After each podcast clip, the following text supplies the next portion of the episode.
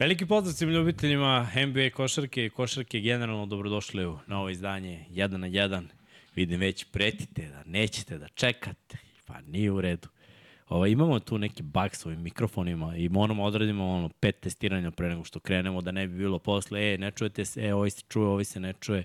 Zašto imamo taj bug? Stvarno nemam predstavu, ali ovaj, ja da naš vlada je već doživeo dve traume jer on nije testirao, i, a snimao je nešto što nije išlo u live, pa nije bilo vas da komentarišete i onda jedničak snimio tihi podcast, ne mi film ne mi film snimio. I onda mi kao ajde da, da istestiramo i Srke mikrofonom ne radi, Ne znam što ne radi, trebalo bi sve da radi, sve je povezano kako treba, ali eto, nismo uspeli da ga osposobimo.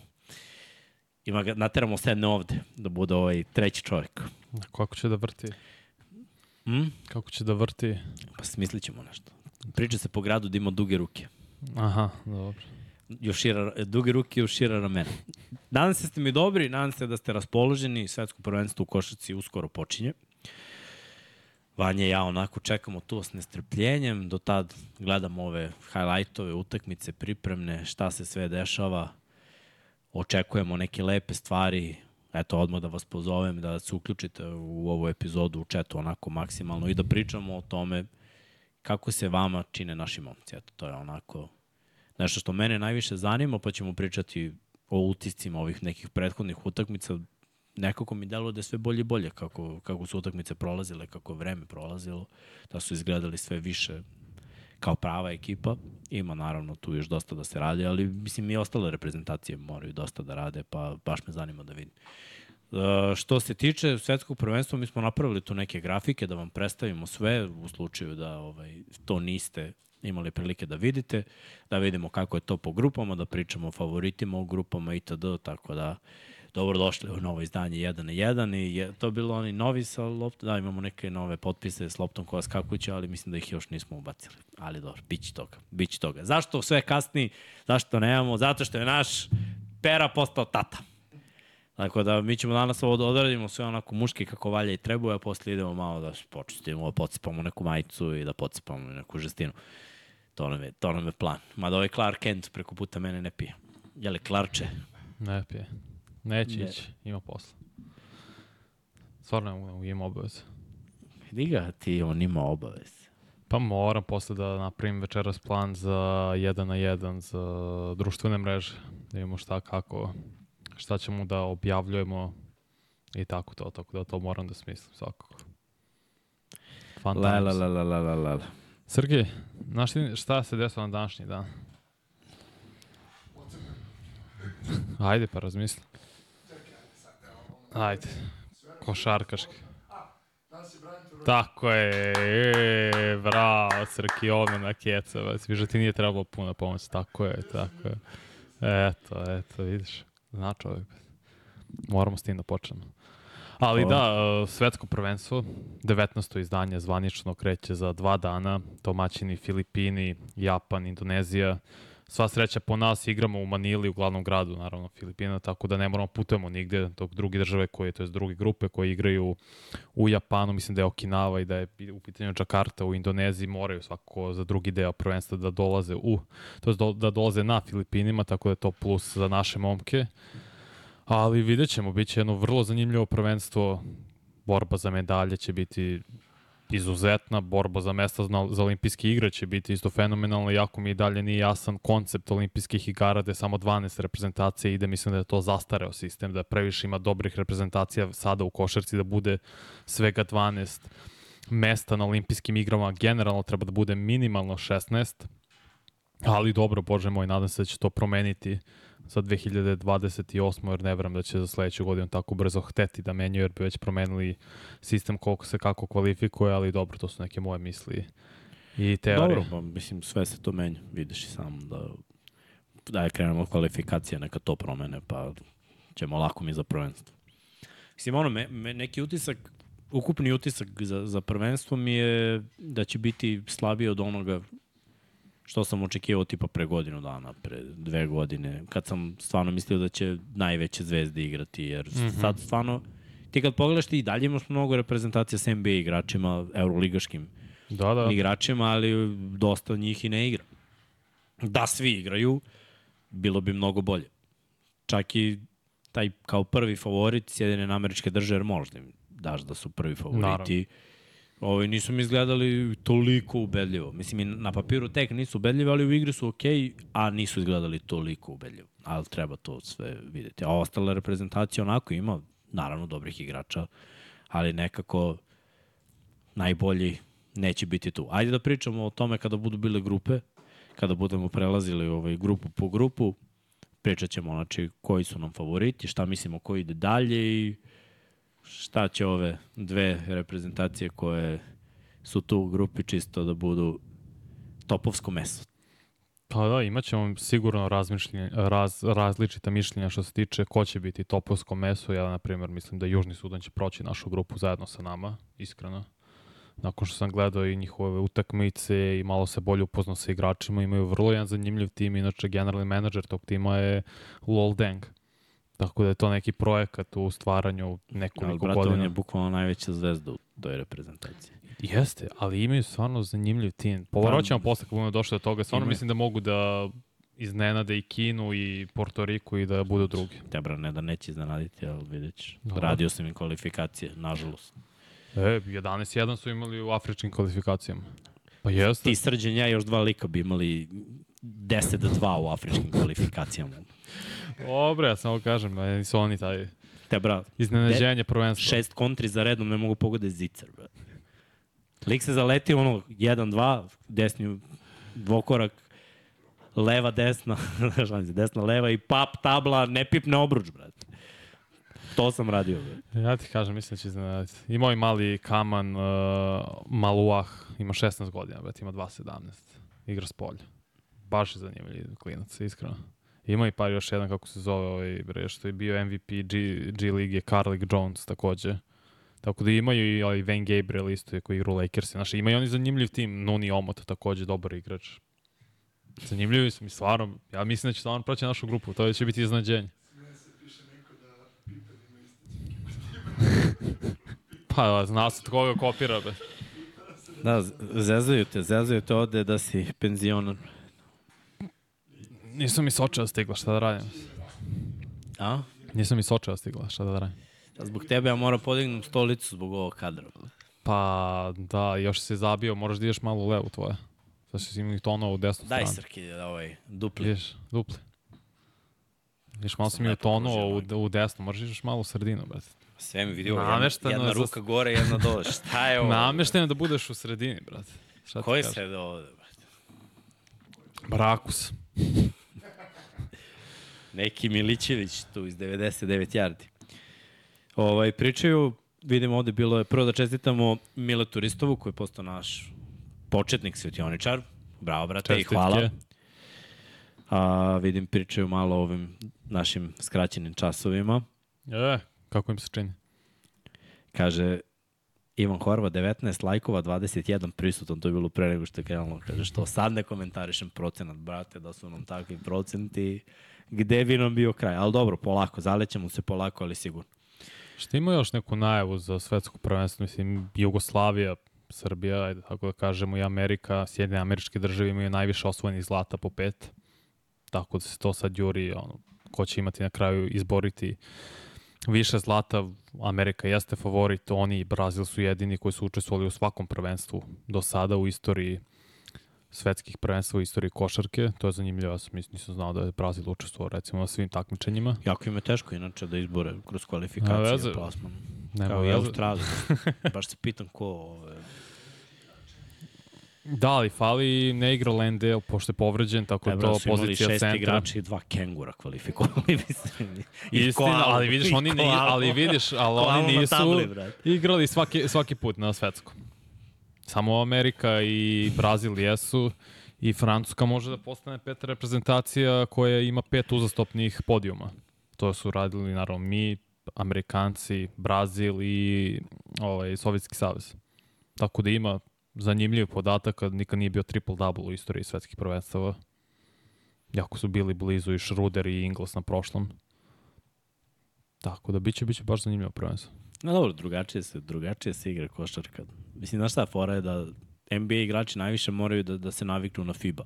Mm. FIBA fazon i suđenja i pravila neka Treba se ovaj, privići na te neke stvari. I brzina je drugačija isto. Ne možeš ti da uspostaviš dobar ritam. Ako vodiš mnogo protiv neke repke, igraće drugi momci. Znači, ne možeš ti statistički da guliš 40 minuta da bi imao triple double. Pritom 40 minuta je cela tekma, nije Tako je. 48, tako da gubiš, gubiš ti tu dosta. Uh, hoćemo da krenemo, Srki, grafike si ubacio? Jest, hoćeš od grupe A, pa ono cepamo. Pa ajde, da, idemo grupu po grupu da analiziramo, ispričamo o svemu, vidite kako imamo ovu pozadinu, ovako bojama zastave, malo šarenilo, Ovo su zvaj, mislim, zvanične boje svetskog prvenstva, čini mi se. čekaj, vi u pozadini ovaj, malo, malo Japon, malo Kina. Japon, ali dobro je. Angola, Dominikanska republika, Filipini i Italija. Ajde da krenemo od domaćina. Košarka se stvarno voli ceni na Filipinima. Da, da. I imaju oni, da kažemo, ozbiljne ambicije da prođu ovu grupu. Ne, ne mogu da kažem da je nemoguća misija, iskreno, kada analiziramo ako sve reprezentacije tu. Ko ti je broj jedan favorit? Možda Dominikana za Dominikanu. Dobro, Karl Anthony Karl Towns Anthony Towns ne da, ne da igra Burazi, nego se oslobodio Prangija trojke ko lud. Znači, kad nemaju, ako je prošlo 10 sekundi napada i on nije dobio loptu, čim dobije pripalići Mora. trojku. Pa dobro. I dobro, to je skroz ok. Drago mi što igra za svoju reprezentaciju za razliku od drugih Ala Bankero što igra za Ameriku, a realno treba da igra za Italiju, ali kako god nama to Što ti biraš posao. ljudima gde će oni da igraju? bro? Da što si poreklom iz te države. Pa šta? Pa to ja s tim imam koliko ljudi bilo poreklom iz ove države pa nisu igrali. Pa nisu otišli dru, u druge ja, reprezentacije ja da ako hoću igraju. mogu se izjasnim sad kao Pa dobro, jel, Ganac. jel bi igrao za Ganu američki futbol? Zove se koliko plate, prava da ti kažem. prava da ti kažem, ako bi platili dovoljno, vrlo verovatno da bi igrao. Nosim u duši tu zelenu, crvenu i žutu sa zvezdom. Nije žut, jes? Kako nije? Da, ja mislim na Keniju. Meni je glavi Kenija zelena, crvena, crna. Jeste, pa dobro. Ja imam problem s tim, ali ovo kako god. Mislim da je Italija glavni favorit, to im je deseto prvenstvo. Nikad nisu uzeli medalju na svetskim prvenstvima. Mhm. To je zanimljivo, bili su dva puta četvrti. Angola mislim da tu nema šta da traži, iskreno, jako je učestvovala devet puta. Yes. Bili su ono, u kvalifikacijama. Pa okej, okay. mislim, nekog sam i oni... Taj nivo košarke afričke, stvarno neko mora da gleda kvalifikacije. Ja Mm. kažem, nažalost, bilo, bilo su tri prozora koje sam radio u Afriku. I ono, Teško je. nije taj nivo, nije taj nivo košarke ni, ni blizu evropske. Pa znaš, zato kažem, tu od tih afričkih država možda stvarno Južni Sudan je da je najbolji tim, ni obala Slonovače, ni Egipat, taj, ni Angola. Pa Mi nisu Cabo ostavili... Verde je Pa zeleno, rcka tako je, tu igra Tavares, na primjer, to je zanimljivo. I, Dobro, pa da, pa to odatle. jeste. Ali mislim da će glavna bitka biti borba za drugu poziciju, da li će Dominikanska republika ili Filipini kao domaćini. Možda bi nama, pošto ukrštamo s tom grupom, najbolje bilo da prođe, da prođu Filipini, to je da prođe, pardon, Dominikanska republika, da ne bismo morali ono, da igramo maltene protiv Filipina i protiv te domaće publike, što će biti i domaće suđenje, naravno. Ali će biti vrlo zanimljivo gledati i Jordana Clarksona i Karla Anthony, Karla Anthony Townsa takođe, ali mislim da Italija je tu glavni favorit i trebalo bi sa prve pozicije da ide dalje. Dobro, to ja mislim. E sad me samo zanima Dominikana, znaš, kako će ovaj da, u šta će da se pretvori. Vrlo verovatno su oni broj 2, pa bi onda. Oni su ti ispred Filipina. fejla, pa znaš zašto su mi ispred? Zbog bukvalno Karla Antonija Townsa, koga i ne volim toliko. Ja bi zbog domaćeg suđenja stavio Filipine. Pa možda, možda. Znaš, igraš u Manili, to je tebi. jo. Pa igraš sve stoji. Ali Tako je makar meni utisak. Mislim, imaju oni pari, ovaj Justin Brown je skroz ok igrač. Njihova liga je vrlo zanimljiva za gledanje. Oni su bili inače 54. treći na prvenstvu. No, oni imaju medalju sa svetskog, a jedna Italija nema. no, Tako, stvarno jesu košarkaška država koji imaju dobru istoriju. vidjet ćemo. Vidjet ćemo da li će im se posreći. Svakog grupa im je okej. Moraju da reše direktnog rivala za drugo mesto. Tako je. Hoćeš da vidiš raspored samo? Mi imamo grafiku rasporeda. Imamo? Da, ko šta je. Super. Otvaramo u Evo, od- petak. Prvo kolo, to je najbitnije za... E sad e, ovde pišu vremena po našem, Da. tako da Angola, a našem, jel te, evropsko ako ćete gledate po filipinskom, jel te, onda morate negde drugde. A vi kako smo napravili, tačno se lupi jedan screenshot i tačno znate kad su tekme. Da, da. U 10 ujutro u petak Angola i Italija otvaraju ovu grupu, pa onda od uh, 14 ili 2 popodne Dominikanska republika protiv Filipina, u nedelju od 10 ujutro Italija, Dominikanska republika, nedelja od 14 Filipini i Angola i utorak Angola, Dominikanska republika i Filipini, Italija od 14 časova, znači utakmica od 10 i 14, dva dana pauze, odigra se meč, pauzira se sledeći dan i igra se dan posle, tako da imaju svi dovoljno vremena i da se pripreme i da pogledaju partije rivala, mm -hmm. spreme taktiku, odrade scouting i da vidimo ko je šta i ko je gde.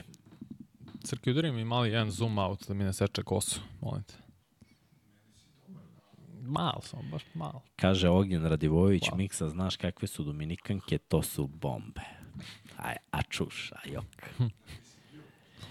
Nisam bio, nisam bio. Ognjen, ako si bio... Javi. Iz prve ruke. Drugar mi je živeo na, u Dominikanskoj republici, bio je nekoliko godina tamo. Sećam se koja je bila zavi, zavist, onako. Zavideo sam jako. Brate, da li je moguće? Lepo vreme cele godine. Odmah tu blizu plažica. Ta klima. Sve to nešto što mi odgovara. Mada nije loše ni na Filipinima, da se razumemo. Pacifik, brate, lagani vetrić, čavrlja, ostrvce. Gde bi preživeo? Filipini ili Dominikanska republika? Filipini. Mislim, manja šansa na Filipinima da ti prođe neki borazer na skuteru i da te cepi mačetom. Na primjer. Tamo bi mogu, tamo bih mogu i košarku da igram i podcast bi bio eksplodirao kad bi naučio njihov jezik, tako da Filipini sigurno. Tu se, tu se slažemo. Srki kaže da bi mogao na obe destinacije jer bi pecao. Generalno bih izbegavao zapad, to je tu južna, sred, ovaj, srednja Amerika i južna Amerika, to bih izbegavao maksimalno. Pa dobro, lepo je. Pa ne kažem da nije lepo, samo Nije bih izbegavao. ali, je- ali je lepo. Prelepo je, ali bih izbegavao. Uh, da vidimo. Evo, Ajmo dalje, idemo na grupu B. Na grupu, na grupu mi. Na grupu mi smo mi, mi smo ti. Na grupu mi, Južni Sudan, Srbija, Kina i Porto Riko. Onako malo jača grupa od ove prve, ali Po čemu? Misliš da je Porto Riko, videli smo šta je. mislim da je Porto Riko dobro, ajde da kažemo njima Alvarado baš fali, da bi bili malo bolji, ali Mm, Gledaj, Porto Riku fali da neko stane na loptu, da neko organizuje i smiri. Nisu oni toliko loši. Zar iz Zvezde John Holland ne igra za Porto Riko? Trebao bi da igra. Ma, boli, boli hu. Šta boli hu? Nisam ga radio nijednom u kvalifikacijama, nije bio u Piše sastavu. da je u sastavu, pa zato pi... Sad je u sastavu, Pa, prvenstvo. piše da John Holland, sad valjda to taj... Trebalo bi. Brate, znaš koliko Amerikanaca je bilo? Znači, kroz prozore kvalifikacija su se menjali igrači u tim sastavima Mhm. I ne bi verovao koliko ima Amerikanaca u Pa Porto čitam-. Mada dobro, oni vuku, mnogi iz Porto Rika prebegnu u Sjedinjene američke države, pa verovatno je ono, mama, tata, baba, deda neko bio i onda oni da bi igrali reprezentativno igraju za Porto Riko, ali imaju dosta Amerikanaca. Te čak nije ni ono, kapiram da ne znaju š od španskog, ali ali tu su kao Portorikanci, Pa dobro. de lo juro. Uh, ali, ali gle, ja, ja nekako poštujem nji- njihovo ludilo. Generalno, kad pogledam spisak, bolji su mi od Dominikanske republike, samo nemaju zvezdu koji, koja, koja je Karl Anthony Towns koji može da metne 40 pojena. Naročito što će igrati lupom protiv afričke reprezentacije, a ovde može da se desi da je on igraju protiv Južnog Sudana i da nemaju tog igrača koji će da da tolike pojene. Ali imaju nekoliko onako igrača koji, koji bi mogli da, da naprave problem. Samo što će to da stane u trećoj, četvrtoj četvrtini protiv boljih reprezentacija. Kina, nemam pojma šta očekujemo od Kine. Kyle Anderson igra za Kinu. Znam, slow-mo. Slow-mo nije ni slow-mo baš kineski, ali Zavisi kako pišeš. njemu je isto neko poreklo, neka nisu mu mama i tata, nego deda valjda ili baba su mu poreklom iz Kine. Tu je nešto navato i pap, evo ga. Mislim, respekt. Dobro, neko. Carski, brate. Kad već ovaj, Hachimura neće da igra za Japan, onda... Da, povređen je, mislim da je povređen, zato Mm. preskače. Igra Yuta Watanabe, tako da ima još par njih igrača, ali mi je žao što Rui ne igra. Mada im je grupa preteška, mislim da svako ne bi prošli. Mm. I dalje pričat ćemo o Srbiji, ono detaljno sad nakon Sudana, ali dalje mi je Sudan tu, kao što sam rekao, i ovaj Nuni Omot je bio MVP ove Afričke lige što NBA organizuje. Ova dvojica Karlik eh, Jones je bio MVP mm, G lige prošle godine, igrao i za Bulls nešto malo, Gabriel igrao nešto malo za Lakers i ovaj mali mi izuzetno zanima kako će da izgleda, jer stvarno klinac brima 16 godina, ima 2.17, lepo se kreće, onako fino, sve to izgleda. Možda će dobiti neke minute, šutirali su 37% za 3 poena, I ono, trče i prangijaju, to je njihov stil i kažete, ovaj, ono, omat, pardon, može da je ono, krilo koje pokriva sve i da doda skoči poentira, on im je najbolji igrač, to ubedljivo. Ali imaju solidne igrače da mogu da pobede iznenada i Kinu i Porto Rico. Zato su mi oni za iznenađenje prvenstva. Pa dobro, možda i ne mora biti. Uh, subota, 10 ujutru, Južni Sudan protiv Portorika, a Srbija protiv Kine u dva popodne, pa onda čekamo do ponedeljka, u ponedeljak Kina protiv Južnog Sudana u 10 ujutru, Portoriko protiv Srbije u dva oćena s ove tekme od dva, i onda sreda, e, tu već moramo se probudimo ujutru, Južni Sudan protiv Srbije u 10, a Kina Portoriko u dva. Pa dobro, hoćeš o našima sad. Ajde. Evo i vi pišite. Može. Kako ti se činilo ovim pripremim? Da li bi izdvojio, koje tekma bi izdvojio? Ajde ove južnoamerikance. Pa, protiv Brazila je bilo, ono, povuci potegni, iskreno. Malo istizali su nas i poveli jednom momentu i mi smo imali dobru prednost, ono, u trećoj četvrti mislim da je bilo 54-44, kad su svi zabagovali pa mislilo da je, bilo, da je trebalo bude 13 razlike. Igrali smo dobro, ali imamo te momente pada i mi generalno loše branimo šut za 3 poena. To je naša najveća mana. To nam se obilo od glavu i protiv Italije, oba i u i ovaj sad prijateljska i prošle godine evropskoj kvalifikaciji, šut za 3 poena mi loše branimo. A ne, do, ne šutiramo dovoljno ili nemamo dovoljno dobre šutere za 3 Mogu da ti poena. kažem nešto. Mm -hmm. Ja sam čak i oduševljen kako smo šutirali. To ti sve govori. Hoćeš iskreno? to ti sve govori. Ja sam oduševljen kako smo šutirali. Jer je bilo šuteva isforsiranih i to, mislim, ulazilo je. Nadam se da će tako biti. ono, i- iz tranzicije naskoči, pa ono, dobi, znaš, sve nešto što mi kao ne radimo, nije nam to baš identitet, ali ulazilo. Sim, im, im, znaš šta, najviše me brinu ti padovi, to je, Ima to. to je, znaš, nemaju mnogo iskustva, oscilacije. nemaju mnogo iskustva, nisu uigrani kao ekipa i definitivno nekim igračima baš pada koncentracija u određenim momentima.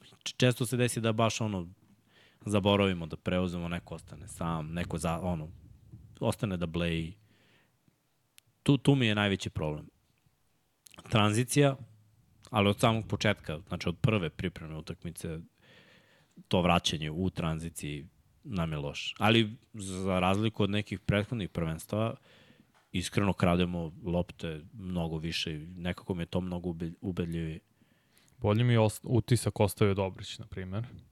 I Da. svidao mi se i što je bio agresivan i, na, i par puta kad je imao priliku išao i na zakuca i dobio onda falo, išao na liniju slobodna bacanja, to mi se izuzetno sviđa, volim tu vrstu agresivnosti, zato dosta cenim malog Jovića koji je uvek agresivan, igra dobro odbranu, ispada nekad zbog neiskustva, ali daje sve od sebe konstantno. Avramović, brate, kida. Dobro vreme, uvek, Aleksa uvek. On baš krade lopte. Na svakoj tekmi, znači tu je odlična, odlična odbrana na lopti. Dobro, imaš svoj mikrofon, pričaj u mikrofon. Ne radimo. A ne radi i dalje, je, šta se tu Pa mislim daje signal da radi ili ne radi. Jedino da ga bocne na mesto ovoga, ali ne verujem da zna gde su mu ova dva. Da. Tako da Bolje, bolje ne, nemoj, nemoj, bolje ne diraj. Nemoj, nemoj. Bolje ne diraj. Mislim da treba prva petorka da bude što je bilo na jednim od ovih utakmica, ako ne na više. Da, neko je pitao ovde, da, petorka. Nikola Jović, da, izvini, pardon, krenemo da... da Krenu centar. Od centra da krene. Tako je. Zašto od centra? Zašto to najlakše znamo ko nam je prvi Milutinov, centar. Jović, Dobrić, Bogdan, Stefan Jović. Dobrić u prvoj petorci.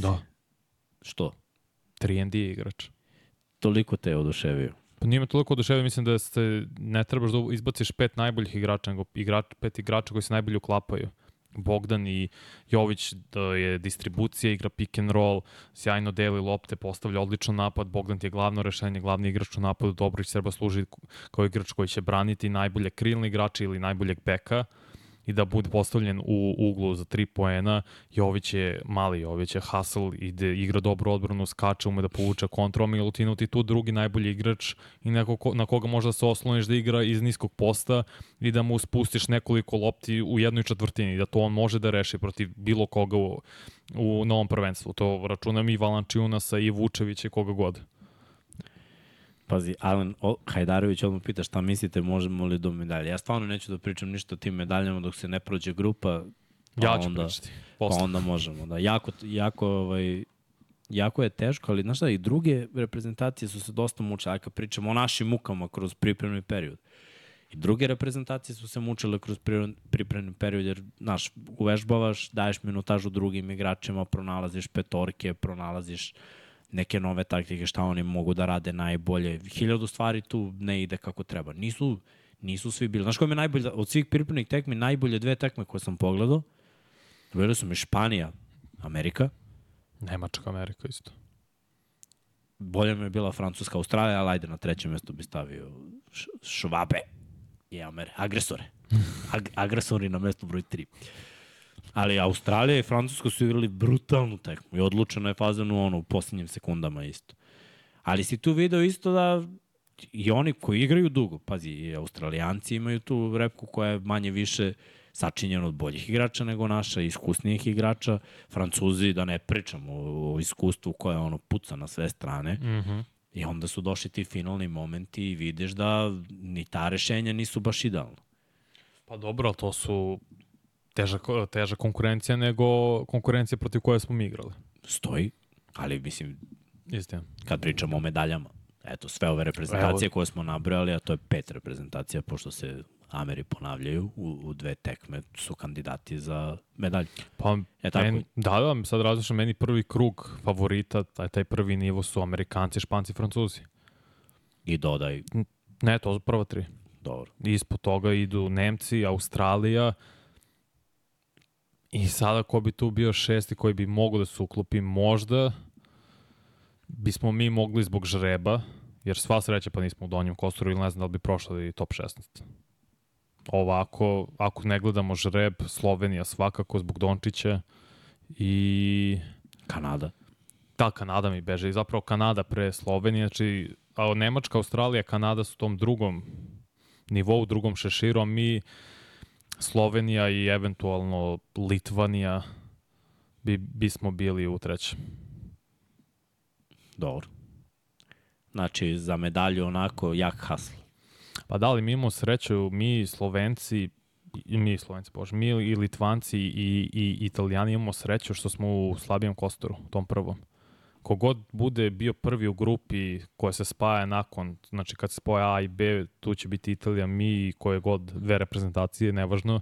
Kogod bude bio prvi u toj grupi izbegava Amerikanci u četvrfinalu i vrlo verovatno ili ide na Sloven, ili ide na Litvaniju, ili ide na Grčku što je mnogo lakše nego ti, kad ti pogledaš donji deo žreba gde sigurno neće proći Španija, samo moram da vidim, izvinim, sad ću ti kažem tačno. Čekaj, idemo polako, brate, gde, gde skačeš? Gde trčiš? Imamo grupa po grupa. Mislim, gledaj, u našoj grupi nema šta mnogo se priča. Videli smo ko je tu, mi smo prvi favoriti. Tako je. Sramota bi bilo u ovoj grupi da nismo prvi Isto. favoriti, odbijam da ne Sramota je budemo, da ne prvi budemo prvi. favoriti, tako je, još smo i malo igrali pripreme, pa smo videli tu negde gde smo. Moramo budemo prvi u grupi, nema. O, ove ekipe ne bi trebalo, pazi, nemaju ni dubinu, ni dovoljno iskustva. Ako mi imamo padove u igri, oni imaju slobodne padove u igri, no, iz aviona. A nemaju vraćanje. Tako je, mi imamo veći, bolji kvalitet, bolje igrače, moramo prođemo Tako grupu je. kao prvi. To je to. I Kao kao što sam- su očekivanja, mislim da su realno očekivanja. Ja ne volim ono, znaš, da namećem da budemo favoriti, ali brate, ovo, ovo se baš namestilo da jesi čin, činjenice. Nije kao pogledaš igrače, pogledaš iskustvo, pogledaš našu školu košarke, znači u, u svakom trenutku mi smo školovani košarkaški od ovih drugih reprezentacija. Iz naše Jer oni grupe. mogu da odrade, iz naše grupe, jer oni mogu da odrade neke stvari, pazi, kako, su, kako je Porto Riko odigrao prvo polovreme protiv Amera, bio sam u fazonu, sećam se, uh, i tačno vidiš, bilo je 6-7 akcija u tom prvom polovremenu, mm -hmm. kada Burazer dobije loptu, krene na dvokorak, sam je čovek, ali on 1-2 ide gore, mislim, protiv Amera, 1-2 ideš gore, lupit će ti bananom. Mislim, on, on pravi 1-2 i ide na tablu. Mislim, znaš, treba ti ono da zastaneš, finta, šuta, promeniš ritam. To oni nemaju. Znaš, oni nemaju fintu, nemaju ekstra pas. Mi to imamo. Nemamo fizičke predispozicije, toliko, ali pazi, to me iznenadilo od, neke, od nekih igrača. Da je i to bilo na malo višem nivou. Tako da očekujem da prođemo u grupu kao prvi. Ok, kao što sam rekao, ukrštamo sa grupom A, gde su, spomenuli smo Italija, Filipini, Dominikanska republika, to. Angola. Koga tu očekuješ da će proći? Pa, Italiju i Dominikansku. Ok, znači i onda ćemo igrati protiv te dve reprezentacije, jer nećemo igrati protiv druge reprezentacije iz naše grupe, jer to nosi dalje. Kako ćemo biti protiv Italijana i protiv Dominikanske republike? Pa to ne mogu da ti kažem, jer se nadam promeni. Italijani nam generalno ne leže, jer pazi, za Italijana mora promeniš petorku, to je moje mišljenje. Italijani nemaju peticu, oni uvek igraju bez petice, mnogo šire, spacing im je dobar i mi ne znamo da odgovorimo na spacing.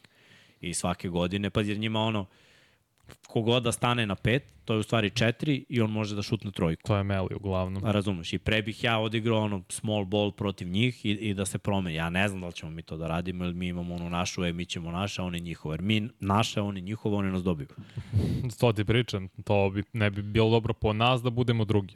Mislim, da, pazi, da tome, Fontekio, Meli, Polonara, mislim, to je stvarno, naravno, Severin, da ne spominjamo je dalje spisu, spisu i tako dalje, uvek nas pobede. Makar je bilo slučaj poslednjih nekoliko godina. Pa to, zbog stila imaju igre. sad neki, neki niz, ali opet ja mislim da to samo zbog taktike. Ne možeš s njima da igraš, oni nemaju klasičnu peticu, rade neke druge Mora stvari. Mora bi Petrušev i Jović više da igraju. Pa, Milutinov manje mora. Pa gledaj, sad su Problem dobili, što ti njima moraš da se sad prilagodiš. Sad su dobili vanju minutažu ovim pripremnim. To, to je lepo, vidio si ih malo više. Kad si ti u ovoj meri gledao Jovića i ajde Petruševa malo kroz Euroligu jesi, ali yes. Jović nije mu tu minutažu, sad je dobio malo više, Petrušev je dobio malo više, imao si veći uzorak. Video si uzorak, mislim, treba im to. Tako da ono, moraju da iznesu, nema šta. Znaš, doći će protivnici sa kojima moraš da, da, da igraš malo, da se prilagodiš. Mislim, evoluiraš ili umreš, nema. To je... Meni se stvarno ne sviđa što nas je jedna prosek ekipa kao Italija nakanta svake godine. Mora nešto da se promeni. Mislim da pre svega defanzivno mora. Mi ofanzivno bi našli način, nego pa defanzivno ne možeš da ispariraš Pa, to je ono što sam pričao, ne, loše branimo šut za tri poena i to, to je do Pešića i do postavljanja bolje taktike nego, to, š, nego što je bio slučaj poslednje dva puta kad smo igrali protiv Italije, a da je on bio glavni selektor. Da li on može čovjek, da li ume da se prilagodi, zaista ne znam. Pokazalo se da ne ume da forsira jednu te istu igru, da forsira klasičnu petorku. Ali dobro, vidjet ćemo. Vidjet ćemo kako će to da izgleda. Ko zna, možda budemo imali sreće i Italija ispadne u, u ovom ranije. to se, to se neće desiti. Ma da, u stvari. Nikad se ne zna. Ludilo. Ajmo, ajmo, ajmo nadalje, ajmo nadalje na grupu C. Grupa C, Sjedinjene američke države, Michael Jordan, Grčka i Novi Zeland. Šalim se, Jordan, naravno. O, bože, genijalno. Neko je rekao, negde sam gledao ovaj, predstavljanje kao Jordan, ali, ali bez Michael. Znaš ko igra za Jordan? Ronde Hollis Jefferson. Mm. To je baš zanimljivo. Igra je dobro, okej. Okay. Pa dobro, ova grupa je vrlo laka za Amere. Mislim da su apsolutni favoriti. Zapravo, taj izostanak nekih velikih imena, mislim da je lansirao, katapultirao neke igrače da, da budu vođa ovog tima, a pritom i ovi što ulaze u sklupe rade posao. E, Ima, imaju, oni, imaju oni padove u igri i, i za njih da bi ih dobio moraš da moraš da imaš svoju igru i da veruješ da je svaki deficit lako stići. Jer su oni napravili plus 10 četiri puta špancima, ovi su se vratili, okrenuli dva puta, ali su se vraćali sve vreme. Što oni veruju svoju igru.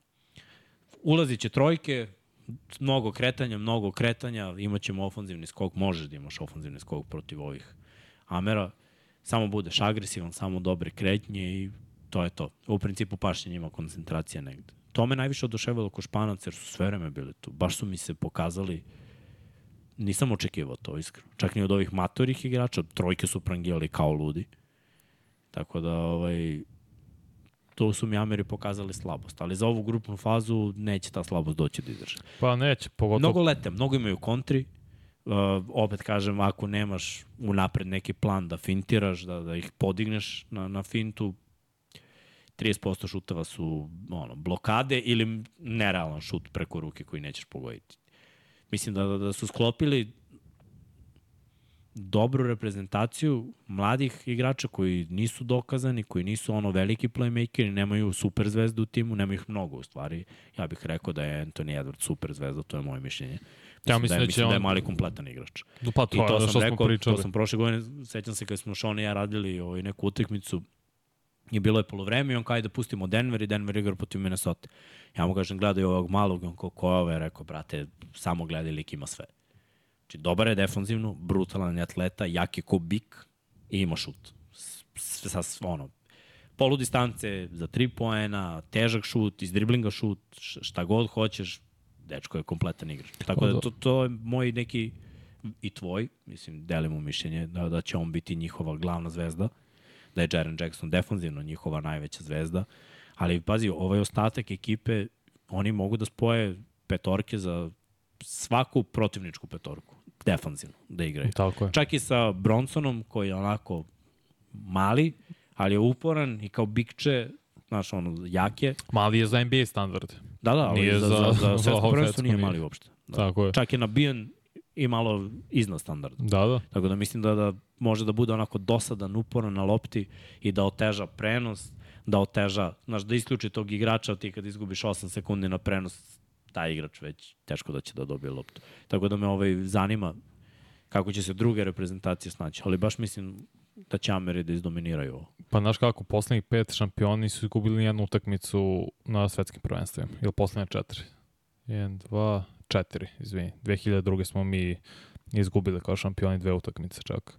A poslednje četiri nije bilo poraza ako si šampion. Uh, što se tiče Amerikanaca, Brandon Ingram me zanja kako će izgledati, mislim da je on malo pocenjen, baš zato što Anthony Edwards igrao oliko dobro ove pripremne utakmice i pokazuje se kao igrač broj 1 i to je sam Steve Kerr rekao da je Anthony Edwards kao he's the guy, to je to. On će biti glavni, seća se ovde kad su radili Gile i Srđan Radović svoj podcast, bukvalno pre drafta ja se rekao Anthony Edwards sa Georgije, građen je kao linebacker, verujte, on će biti brutalan igrač. Nije baš kao linebacker, ali, ali, ali krupanje.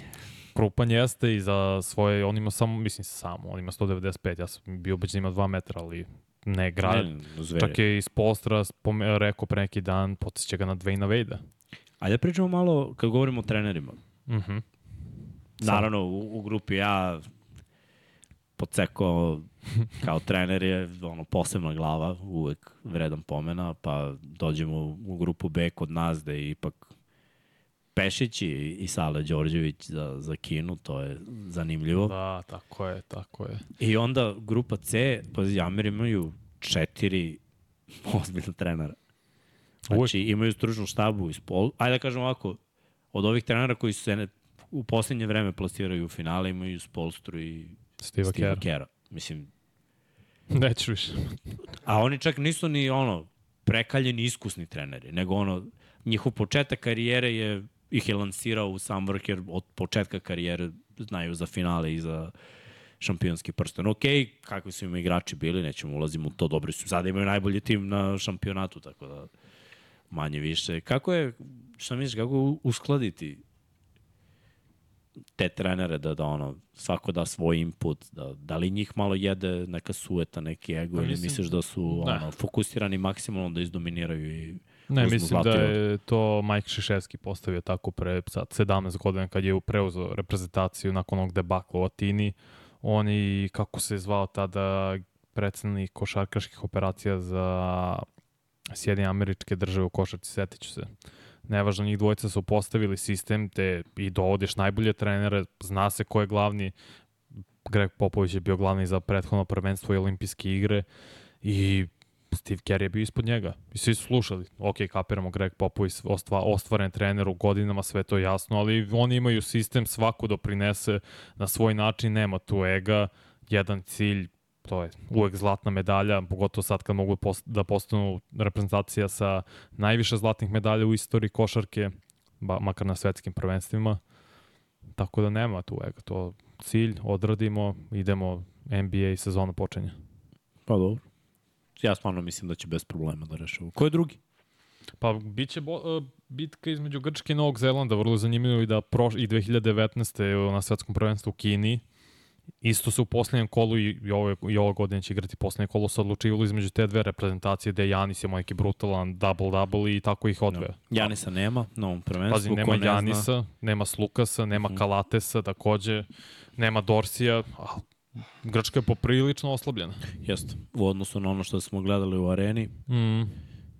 Je jedan ono, drugi tim, ali opet oni imaju pa isto neku školu košarke u koju ja više verujem, imaju i dalje veličinu u odnosu na Novi Zeland. Novi Zeland nikad nije bio košarkaška reprezentacija, mislim, mogu da igra. Oni su basketaši više nego košarkaši. Mislim, kod da, njih su oni ono... su bili četvrti u Indianapolisu 2002. To im je bilo naj, najveći uspeh.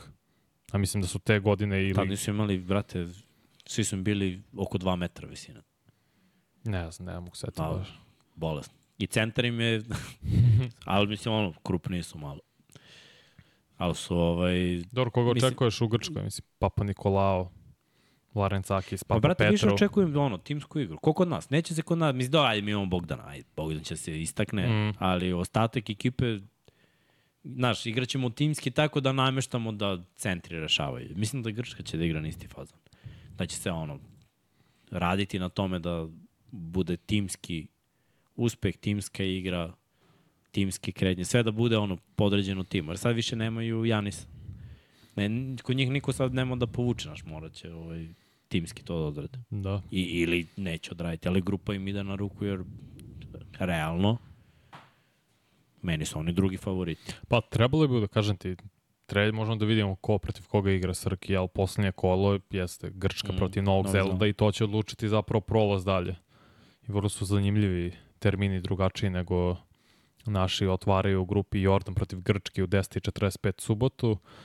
Amerika, Novi Zeland 14.40, isto suboto, no, drugo kole Novi Zeland protiv Jordana, 10.45 u ponedeljak, Grčka protiv Amerike 14.40 časova, takođe ponedeljak i u sredu zatvaraju Amerika protiv Jordana i Grčka, Novi Zeland. To će biti zapravo, kažete. Uh, I oni igraju u Manili, kako se seća. I oni isto igraju u Manili, tako da to neće biti problem za njih. Idemo... Prve tri grupe igraju u Manili. A mm. posle se onda rotira ovo ostalo. Ajmo dalje. Sumnjaju ovde u Bogdana, kažu da ne zna gde bije. Pa o, polako. Mislim, ja stvarno mislim da su prvenstva ta... Gde on sija najviše? Ne pamtim ono prvenstvo. Ako ništa drugo, bar znamo da će da uzme šut. To, I to mi znači dosta. Znači kada on napravi neko višak i doda loptu čovek sam i onda krene ono, da li da šutnem ili da doda šutni Borazor, ako si sam akcija je napravljena da, da šutneš za Bogdana, znam da će da šutne. Šutni, ne mora da daš, bar šutni. Ako si sam, šutni. Ma mora da uzme 15 da šuteva da, po meču. Tako je. Nemoj da imamo neki strah da ono kao neću zbog ovog, neću zbog ovog, si sam, peglaj. Uh, daj, D. Srke, grupu D, Egipat, Meksiko, Crna Gora i Litvanija. E, ovo je malo jača grupa, neizvesnija. Da. Dobro ti, vidiš, Srđan Veliki kaže nije jaka, nego jednačenija. Mogu ti reći da mi je Crna Gora iza Litvanije odmah drugi favorit. Mislim da su poprilično bolji i od Meksika i od Egipta. Pogotovo od Egipta, mislim da Egipat nema šta da traži. Egipat nema šta da traži, radio sam i njihov kvalifikacijama, Meksiko sam najviše radio. Znači, i mogu da ti kažem, Meksiko bije. Svi su te, tepači. Dobro, mislim da Bojan Dubljević bo, jače bije. da je on... Nisi video Amiga, brate. brate se stvarno preziva Amigo, ali ti nije najbolji drug, brate. Znači, imaju nekoliko, ovaj prvo imaju tri beka koji su 1,80 kad je ono dobar dan dobar, i, da. i, i va, lepo, vazdušni lepo John. I vazdušni John, brate.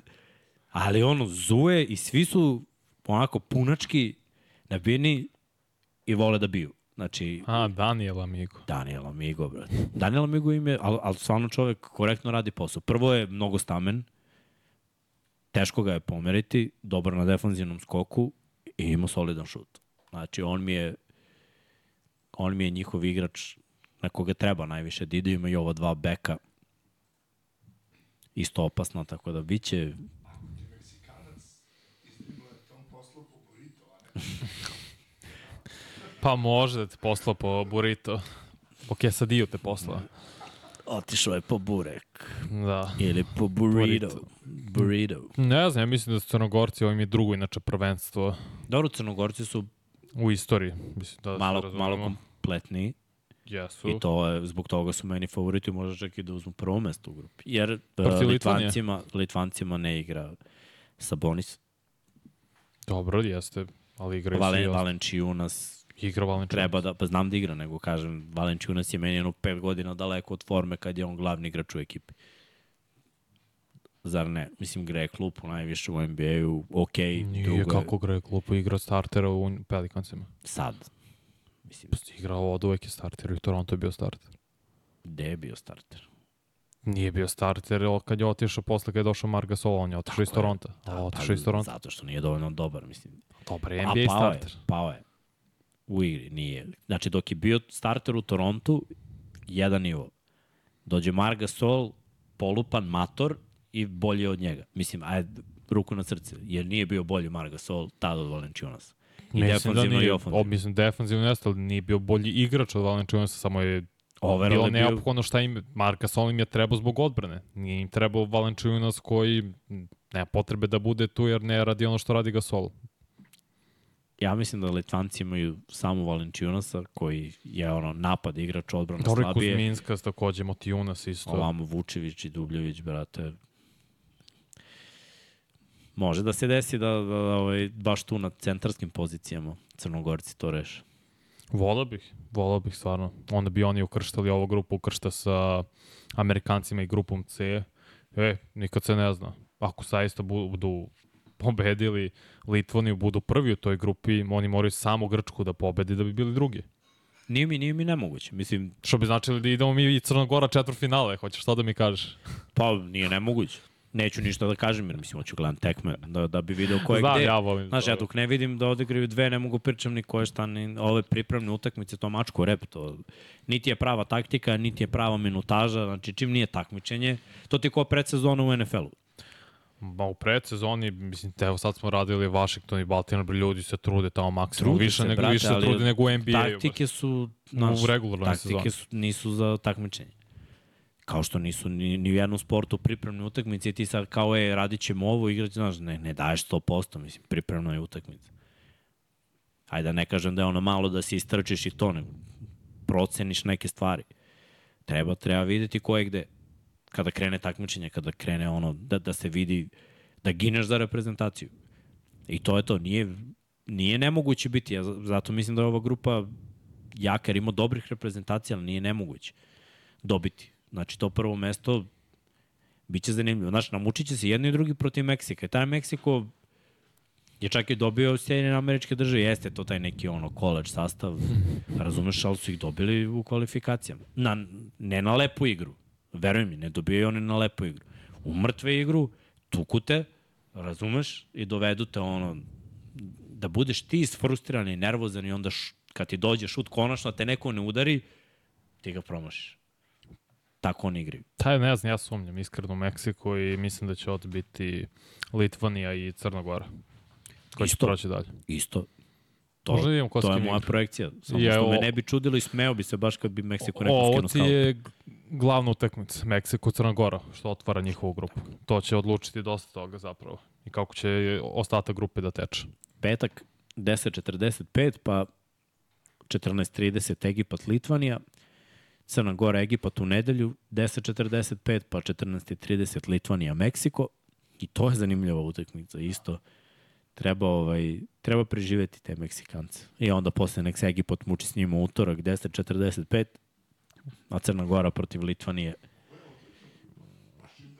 o Ma, 14.30. Jes, samo ja sa, zaista sumnjam u Meksiku, iskreno i ovo se igra inače u Manili, takođe u dve različite hale.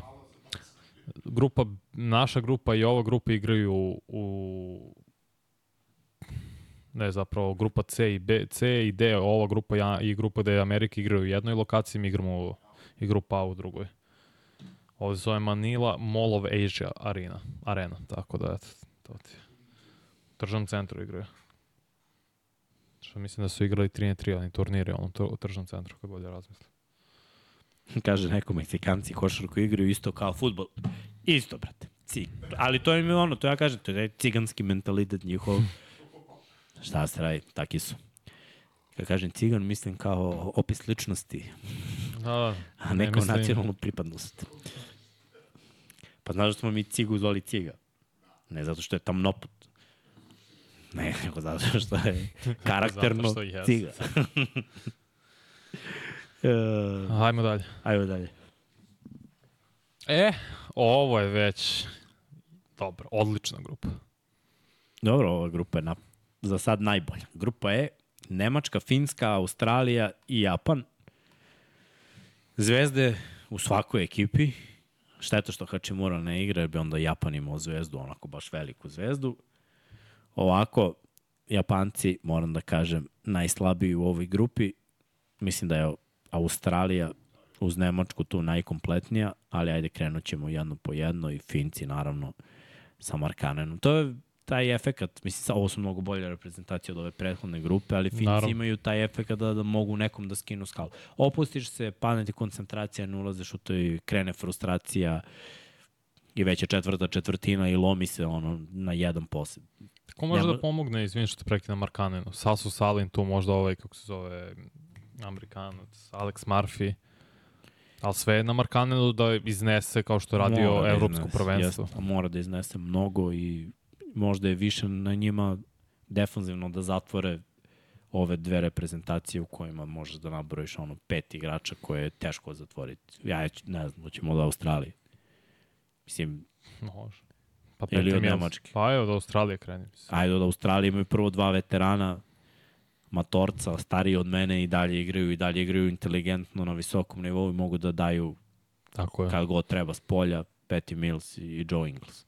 Da krenemo, da krenemo njih. Pritom su i dalje dobri asistenti i dalje igra može da ide ono kroz njih. Znaš da je ono kod njih potez više postoji, ako oni moraju da reše, rešit će. Znači, jako dobri igrači godinama su bili u NBA-u. A dalje opet- su u NBA. Pa da, s tim što ne igraju. Ingles je imao onih par godina kad je za Jutu lomio, baš je bio na, na, na visokom nivou. Očekivao sam više u Milwaukee, pravo ti kažem, od takvog igrača. Nekako mi nije, nije došao do izražaja. Da li zbog toga što Janis i on to ne ide, ili Middleton, Holiday, Janis i on ne ide, ali nekako mi nije, nije mi došao do izražaja. Da, sve je potpisao za Ali- Orlando. To već Ali reprezentativno uvek, da, Da, kažemo, naravno. dolazi. Petty Mills nikad nije, on je bio ono mala zujelica, odradi svoje minute za reprezentaciju, se lik po vampiri. da, četiri. ubada, ubada trojke preko ruke, side stepuje ljude, leti po terenu, bukvalno je neverovatan. I mislim da i dalje ima dosta toga da, da pokaže i da pruži. A znaš šta je najjača Mislim da, da, je, da je Exum vrlo važan za njih i evo u ovim pripremi baš protiv Francuske. Pazi, Francuzi imaju atleta da mu pariraju, ali je, je i dalje teško. Da, da, znaš, šta se teo kažem, najjača stvar jeste tu što Josh Giddy sad igra play i Mills ne Mm. mora da se troši na Ne mora, prenosu da. uopšte, sve mu je namešteno na taci sad, Jeste. uopšte ne mora da se lomi toliko. Gidi, Gidi opasan, igrači, da. I zadnje je Dyson Daniels takođe, takođe koji je bio sedmi, osmi pik pre par godina od strane Pelicansa, vrlo je mladi igrač, on je isto igra za, za Australiju, takođe Matisse Taibel isto koji može odbrambeno da zatvori malte ne bilo koga. Znači, sad ti kad pogledaš Finsku, oni nemaju dubinu za ovo. Ne, još fali, kaže, Landale fali za Australiju, njima fali centar. To je njima najveća mana. Ne znam sad ko će centar lepo to da Fali voli. Ben Simmons. Pa i Ben Simmons i fali, ali šta da radi? Ne, Ne, ne ne, ben igra. Simmons, brate, na svetskom, tu bi izdominirao. I Burazer. Ne, žao mi što ne igra iskreno. S njegovom visinom, brate, na, na tom nivou, Njegovim samo treba vuče kontru i leti kroz Da. da. reket. I, Može ili čuva doda bilo ili koga. kuca, brate, pa da. A Nemci? Za Fibinu košarku lik je od 1 do 4. Ne mora ni da šutira, samo neki da Da, na polaganje. Nemci, pazi, braća Wagner, Mogu ti kažem da Nemci po meni imaju najbolju timsku hemiju od bilo kog na ovom prvenstvu. pa ne znam, ni, oni imaju nešto, nisam siguran da je to baš... Sem što su se sad posvađali i Maxi Kleber i Schroeder, pa Kleber ne ide na prvenstvo. to mi je ne. Kleber drugi put već ne ide na prvenstvo i ovaj ga napenalio zbog toga i meni je to cool, pravo da ti.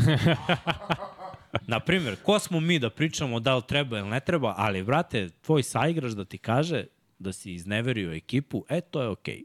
On ima pravo. Naročito Šruder ima pravo da kaže tako Kao nešto, igrač. zato što nosi tu reprezentaciju na leđima i, i radio je to. A pritom pojavljuju se neki novi klinci koji lome. Dobro, pazi tu i opet NBA igrač Daniel Tajs, takođe Isaac Bonga koji ono ide po NBA timovima kako zove Nils Griffith što je bio na Connecticut univerzitetu, sad mislim da i dalje igra u Albi. To su to je meni je Nemačka Ovo, veoma pazi, dobar tim. Da kažemo, ono, braća Wagner, da, da im je tu ovaj, kako se zove? Ko? Vojtman. Ne Vojtman. Mao Delo. Maudolo, Šruder kao bekovi i, i tu im je ovaj šuter koji igra četvorku. Giffy. Z... Da li je Zengfelder, se tako preziva? Kramer, Bonga, Holac, Timan, Obst. Andreas Obst, da, iz Bajerna, isto opasan igrač. A ne igra ovaj. Ne igra. On im je bio par godina dobar šuter s polja, u igra u odbrani za četvorku, ali očigledno ga nisu stavili. A Vobo Ko? Evo sad se pročito. ima dva prezimena. Jedno je na Vojte nešto, pa Voigtman. drugo je... Ne, ne, ne. Imaš Bonga, Va Wagner, jedan drugi, Giffy, Holac, Kramer, Vojtman, Maudolo, Obst, Schruder, Tajs i Timen. Dobro, ne igra on to Vobo. Ima dva prezimena, mnogo je teško, brate, da ih izgovoriš. Jedno Lomiševska. počinje na Vo, drugo na Bo. I onda, a ima crni između, onda su ga skratili. Vobo. Ja rekao, hvala vam, brate, Dovoljno. za ovo vam hvala. Nemci su vrlo nezgodni ako se neko povampiri kao Peti Mills, to je Schruder za reprezentaciju koji uživa dok igra za Nemačku, toliko slobodnu igru ima da je to neverovatno i zato su meni možda oni malo iznad Australije. To je stvarno ja ne znam kako može Finska se bori Japan, pogotovo Japan je ipak oni su tu domaćini u toj grupi, u Okinavi se igra njihove utakmice za tu grupu, tako da mislim da ono Finska, žao mi zbog Markanena, su izvukli katastrofa grupu. Mogli su i oni da dođu, ne znam ko je sad, sad sam već, već sam tu i zaboravio grupe, ne znam, da budu oni umesto Meksika, na primjer, ili oni umesto Kine u našoj grupi, pa bi, pa bi prošli, ili umesto ovog Dominikanske republike u grupi A. Vrlo lako moglo tako se zadesi, nije se zadesilo i nažalost mislim da će proći Australija i Nemačka, da Finska i da nećemo moći zapravo da gledamo Markanena u top 16. Običan preliv. Pogodio si, brate. Jonas Wolfhard Botterman, brate. O bože. Brate, preteško. Vobo. Ali ne igra, mislim. Vobo. Tako da, Otvaraju Finska i Australija, 11 po našem, kao što se rekao, Okinawa je mesto u pitanju. Zatim Nemačka i Japan, takođe petak u 15 i 10. Australija, Nemačka u 11.30 u nedelju, Japan protiv Finske, nedelja 15 časova i 10 minuta i naravno utorak zatvaraju Nemačka, Finska u 10.30 i uh, Australija, Australija Japan. Japan, da, zaboravio sam. Japan. Ne mogu pročitam od kamere. U 2 i 10. Dobro. Zanimljivo. Mislim, baš se, baš se nadam da će Finci ono da im zagorčuju život, da ih izmore malo i da vidimo ovaj, ali kvalitet i dubina definitivno na strani Nemačke i Australije. I njihov duel baš jedva čekam da vidim. To me iskreno zanima kako će da bude taj odnos snaga i ko je gde i ko će sa koje pozicije da ide dalje. Srki, dalje? cepaj. Grupa F, Slovenija, Zelenorodska ostrava, Gruzija i Venecuela. Zelenorodska ostrava i, Gruzija opravo učešće na svetskim prvenstvima. A imaju, dobro, kvalifikacije su se malo promenile, a da kažemo da imaju zvezde. Mislim, Tavareš, znamo kakav je, kakav je zver. Pa dobro, ako neko ima zvezde, mislim Šengelija, Šermandini, Šengelija Goga nije Pitace. igrao, pazi, ja sam radio, mhm. bila je pre evropskog prvenstva, tada su bile kvalifikacije za svetsku ili je bilo nek, mislim da jesu kvalifikacije bila jedna tekma, da je on pao i povredio se. I bukvalno, pazi, do tog momenta mi je delovalo ono, to je to, oni mogu da budu ozbiljni. Onda se on povredio i videlo se da, da neće to biti baš na, na tom nivou. Mamu Kemaš, Mamu Kevašvili. Mamu Kelašvili, Mamu Kelašvili je Na NBA ono, igrač. preuzeo iz Sparsa, da. Tako da- to. Imaju, gledaj, imaju nekoliko imena, nekoliko igrača koji mogu da odrade posao. Ali pazi, svaka ekipa u ovoj grupi ima Ali Gruz ima četvoricu ozbiljnih koji stvarno čuješ, kažeš ti i Šermadini, i Bitace, i Mamu Kelašvili, i naravno, Dž, mislim da je Bitađe, da je Dž, možda je Bitađe, ok. mislim, možda je Šengelija takođe, kažeš ti Pa, je dobra, reprezent, dobra petorka. igrač. Ali to je baš dobra igra, petorka. znaš, to je- Mislim, zapravo ne mogu da igraš Šermadini i Bitađe, i Bitađe zajedno, ali opet imaš centar, backup centra. Meni se Gruzije sviđa da bude ovde druga grupa i da lagano prođe u top 16. Baš, baš lagano. Slovenija mora bude prva kad imaš Dončića, kad imaš vrlo verovatno najboljeg igrača na prvenstvu. Prvo, grupa, prvo mesto u grupi ti je zagarantovano. Da, kažu da cilj. nije, da nije Dž. Nego C. Ne znam ko je. Morat ću pitam nekog Možda brata, Z. nekog brata Gruzica Možda je Z. da mi reši. Da mi Bita- reši dilemu. Bitadze. Da, da. Ko zna? Što za neka za slovo Z? Pa, Mislim da ima u Makedoniji zapravo, da sam ja odatle čuo. da, C kao Cadziki. Carciki. Znači Bitace. Mm. A dobro, eto. Ko je, ko je četvrti u ovoj grupi? Vrati srđane. Venezuela. Venezuela. Venezuela Radio koja... sam i njih, brate. Oni su Oni imaju klince, oni imaju sedmoricu igrača koji su ispod 23 godine i to je zanimljivo u budućnosti imaju, a mislim da nemaju šta da traže na ovom prvenstvu. južnoamerikanci, brate, njihova košarka. Ja iskreno ne verujem da Argentina nije prošla. Ali, ono, Znaš, znaš što je najsmešnije? Venezuela izgubila svih devet od svojih pripremnih utakmica sad za leto. A to nije što su- smešno, to je žalostno. Ali Klinci su. Kažem ti, sed, sedmorica igrača imaju ispod Ma, 23 njih- godine. Njihov, njihova košarka je lošija verzija termin košarke. Nema tu previše razmišljanja. Da znaš, A, da sam znao, otišao bi kao mali u Venezuelu igrao basket. I vrlo verovatno bi igrao. Što najjače od Da. svega. Te, te kvalifikacije, ti prozori, te utakmice koje su se igrale ono, po Africi Južnoj Americi, tačno vidiš u, u stvari gde su oni. I te, pazi, oni su zaplasirali ove druge reprezentacije koje nisu Tako, je nisko pala, onda zapravo Argentina, ako nije mogla da se kvalifikuje. Inače, Luis Kola je jedan od ambasadora zajedno sa Pau Gasolom i Carmelo Anthonyem za ovo prvenstvo. Ali da, neverovatno je da Argentina. I, I sad su ispali od Bahama na predkvalifikacijni, mm. na predkvalifikacijnim utakmicama za olimpijske igre da ih je Eric Gordon izbacio. I onda se Skola žalio na to kao, kao zašto Eric Gordon može da igra za Bahame, već je igrao za američku reprezentaciju, da li na svetskom prvenstvu ili šta god, kao to uopšte nije okej, okay, nije sportski, ali dobro, šta se radi. A, dobro. Svako sad ima svoje. Znači, Luka i Slovenija prvi, ja kažem Gruzija ubedljivo druga i ovo ostalo. Mislim da će Venezuela pobedi zeleno Rtska ostrava i zapravo i oni otva, ne, otva, otvaraju zeleno Rtska ostrava protiv Gruzije u subotu u 11 časova u Malodoborin čašu. Slovenija, Venezuela u pola 3, 14.30, isti dan, ponedeljak Venezuela, zeleno, o, zeleno Rtska ostrava 11 časova, Gruzija protiv Slovenije u 14.30 i u sredu otvaraju Gruzija protiv Venezuele i zatvaraju Slovenija protiv zelenorodskih ostrva. Biće zanimljivo. Šta misliš ko je prvi? Slovenija lagano. Lagano. Kažete ti Slovenija, Gruzija, to bi trebalo. Ne bi mi čulo da Gruzija bude prva, stvarno mislim da imaju pocenjen tim. Oni su mi uz Južni Sudan tu iz najveće iznenađenje za prvenstvo, oni ukrštaju s ovom grupom E, a to su Nemci, Finci, Australijanci i Japanci, što vrlo moguće znači da Slovenija top 16 i ćao zdravo posle.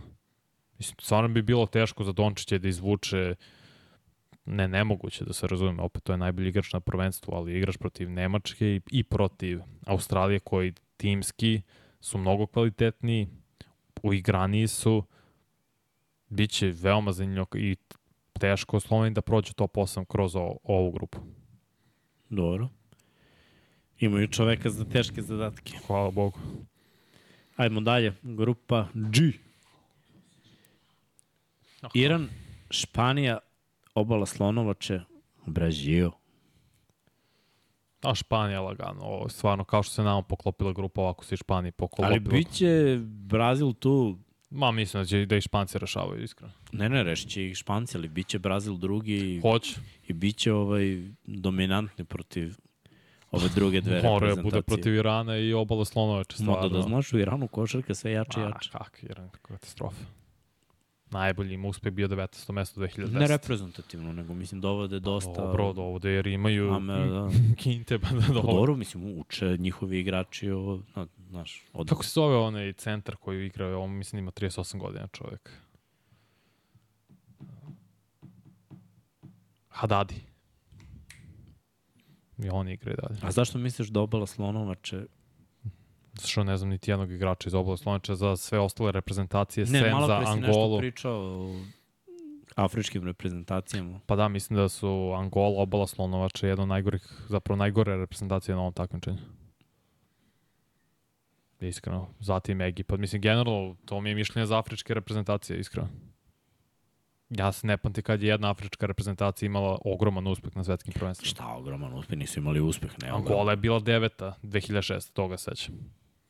Ja mislim da je to za afričke, makar ove koji su novim takmičenjima bilo, mislim, ok, da ne kažem Egipat koji je bio peti i 1950. To stvarno ne mogu da računam. mislim. Kad je Ramzes igrao. Pa da, bukvalno, evo sad čitam, bukvalno su bili peti 1950. To sam lupio. Dobro. Ja stvarno mislim da ova grupa pripada Špancima, ali da će Brazilci da ih namuče. Ali reći ih onda Španci. Brazil ima nešto, nisam ovaj očekivao da da budu Šta to za, za, znaš šta, za Južnu Ameriku su dobri. Imaju šut polja, Uvijek bili. Uvijek su bili nezgodni. nešto ima tu kod njih, ne znam. Prgavi su, dobro, svi južnoamerikanci su prgavi. I ovo ti je direktan onaj okršaj, Ko je prgavije, hoćeš to da kažeš. pa ne. Gledaj, prgavi su jedni i drugi, ali su cigani jedni i drugi.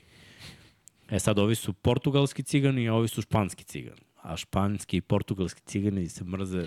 Dobro, imaju Brazilci nekoliko bivših NBA igrača, i Huertas, i Raul Neto, Kao- Cristiano Felicio, Kabolko takođe igra u Toronto, seća se da je to bio veliki kao projekat pre 5-6 godina. Nije da nemaju tim, Gle, ovi imaju mnogo, ma, o, Španci. mnogo jači tim. Mislim, pročitaj sastav Španije. A brutalan Brines, Ko ti najveći? Pazi, imaju dva matorca, Rudi Ljulji, i Čača. Ljulji Fernandez. Ne, Rudi i Sergio Ljulj. Uh, ne. Rudi Fernandez i Sergio Ljulj. Da, da, da. Ok, rekao si Rudi i Fernandez, pa mislim je totalno To izbacio iz koloseka. Pa da, da. poludao sam, poludao sam ove sitne sate. Glava me ubija ceo dan nešto. Što? Ne znam. Mora da je do vremena. Ma da prije ova klima, nemoj Srki da si ugasio. Evo, sad ću ti pročitam. Alberto Diaz, Sergio Ljulj, Juan Nunez, Dario Brizuela, Rudi Fernandez, Alex Abrines, Viktor Klaver, Braća, tako je, Hernan Santi Gomez. Aldama, Usman Garuba i Para. Joel, ili sad Joel Para, kako, se, kako već da pročitam. opasni su, brate, šuteri. Opasno se kreću. Imaju dva iskusni igrača. I čak Dobre. ne bih rekao da su im loši ni ovi visoki igrači. Pa Jer nisu, braćo, Hernan Gomez, brate, dobri su igrači. Zar nije bio MVP finala Vili ili prvenstva prošle godine? prvenstvo je bio, brate, Brown. Brown. Al, zar nije bio on, da li finala onda? Ili je izabrao najbolju petorku, tako nešto? Ne mogu da se setim. Ne mogu Mislim da da je se dobio neko priznanje. Znam kad sam vidio da je Lorenzo Brown dobio, brate, da je naj, ono, španac, najbolji igrač kad nisam bacio Pazi, Španci brane titulu iz 2019. kad je Ricky Rubio bio MVP. On sad ne igra, ne igra ni Lorenzo Brown. Tako je to jedan udarac svakako za njih, ali opet. Ma, brate, nije udarac. Što je Pa mislim da udaraš, ja sam Rubio mislio ne da igra. jeste. Ja sam mislio da jeste. I, ovaj, I delovalo mi za evropsko prvenstvo da nisu ono, favoriti broj 1. Ali se provukoše oni, znaš, izađuše iz, mislim, provukoše, nije bilo teško provlačenje, nego, znaš, nisu bili prvi favoriti. I njihovi igrači su govorili da nisu. Da nisu. Rudi je ono bio u fazonu, mi nećemo osvojiti. I onda je bio, i za ovo je isto rekao, kao uopšte nismo ono kao među glavnim favoritima, ali to sam rekao i za Evropsku pa smo ga osvojili. I ovo što su igrali protiv Amera, brate, on, njihova škola košarke i, i njihova samouverenost. E, to je u stvari priča koja ih izdiže iznad drugih. Jer mnoge druge reprezentacije kada dođe do tog momenta da treba da budu samouvereni i da ono budu sigurni da rešavaju neke stvari, pitanje je ko će da uradi to i koliko veruje u to. Pa kako da za ne budu Špance, samo za Špance znam, naš, više vidim da oni veruju u sebe nego tipa Francuzi koji imaju Ali naš- možda spremni tim za medalju. Pa možda imaju bolji tim, ali Španci imaju taj pobednički mentalitet i ponos, jer su oni osvajali svetska prvenstva 2006. i 19. Osvajali evropska prvenstva Ma i kad četiri. ne osvajaju, tu su na, med, na mislim, Olimpijske igre bili srebrni, dva puta bronzani. Oni imaju kulturu pobeđivanja. Ono što stalno pričamo u 99 yardi vezano za NFL i određenje franšize. Španci to imaju. Kulturu pobeđivanja. Francuzi to nemaju. Jesu, bili su na podijumu četiri godine, četiri prvenstva svetska za redom, sve to stoji, a nikad nisu osvojili. I oni ne znaju kakav je to osjećaj da osvojiš zapravo nešto. Da budeš prvi na nekom takmičenju. Dobili su na evropskom prvi. Kada? 2015. Bilo je 13. davno, ali A to, ali ova Ali- generacija, jer nemaš igrača iz te generacije koje može da vodi. Ovde imaš Fernandeza i Ljulja. bio u toj generaciji. Ne mogu se, možda si upravo. Jeste, nisam, znam da jeste, brate. Bio je Nando de Mogu, Colo mogu toj se ekipi. pravo, ne mogu se. To nije bio glavni igrač, ali bio je Nando u ekipi. Svako za Španiju je ovo vrlo laka grupa. Jeste, 2013. bio je Nando. Bio je klinac baš. Sad je veteran. Jeste, ok. I sad je ono što im treba dobro, pričat ćemo o njima. Ima, oni su sledeći. Ima vremena, da. Možda vidimo ponovo Srki ko s kim igra i kada. Iran, Brazil, subota 10.45, Španija, obala Slonovače 14.30, eto prilike da se glavni favoriti zagreju u prvom kolu, pa onda obala Slonovače Iran i ta tekma koja će biti najbitnija za grupu koja će odlučiti ponedeljak 14.30, Brazil, Španija, u sredu 10.45 obala Slonovače Brazil i Iran, Španija, sreda 14.30. Ova grupa igra u Džakarti, a prethodno isto Okinawa, Japan, tako da i poslednja grupa gde možemo sad da vidimo ko je sve tu, a to je u pitanju Kanada, Letonija, Da, i Batumi. Liban, u- da, Batum i sada... A, Pitaju na koga ide ova grupa? Ide na... Pa ide na ovo koju sad. Tako je, Kanada, Letonija, Liban i Francuska. Imaju, ali Španci mi ostavljaju veći utisak te kulture pobjedničke, jer su više osvajali nego Francuzi. I mnogo dužu istoriju osvajanja imaju. Samo ti polako, Srke. Ne, ne, sve u redu. E, spreman. Eto. Kao što rekoh, Kanada, Letonija, Libija, izvini, ja rekao Liban. Libija, Francuska. Dobro. E sad za Letonce, šteta što ne igra Porzingis, jer da igra, bilo bi zanimljivo. Mnogo više. Ne bi mogli da kažemo ono, šta je kod Letonaca, oni su ne, nepredvidivi, jer njihov stil igre, ja mislim, drugačiji od svih. Oni sa nji- njihovim prangijenjem još da imaju Porzingisa, ali nemaju sva što bi mogli. Ovako biće, Znaš da prvi put uč, učestvuje na svetskim prvenstvima. Pa, Letonija. Letonija. Pa dobro, nije ni duga istorija, znaš, mislim sve njihova što se tiče košarke, oni su za Evropu, da kažemo, priznali smo ih kao košarkašku Ok, silu, imaju svoj fazon, ali sve te uspehe pripisuješ Sovjetskom savezu. Da, od igre braća Bertans, braća Kuruks, Hmm. Alfali, svakako Imaju, imaju igrača, ali im super zvezda. Jer ideš na Francusku koja je krca, ajde da krenemo, oni su favorit broj 1, meni, verovatno i svima. Francuzi, ima, već znaš da imaju petorku koja je opasni i iza te petorke još 3-4 igrača, imaju atlete, imaju iskusni igrače, već smo rekli Batumi, Dekolo su osvajali i, Evo, i Fournier. znaju kako se to radi.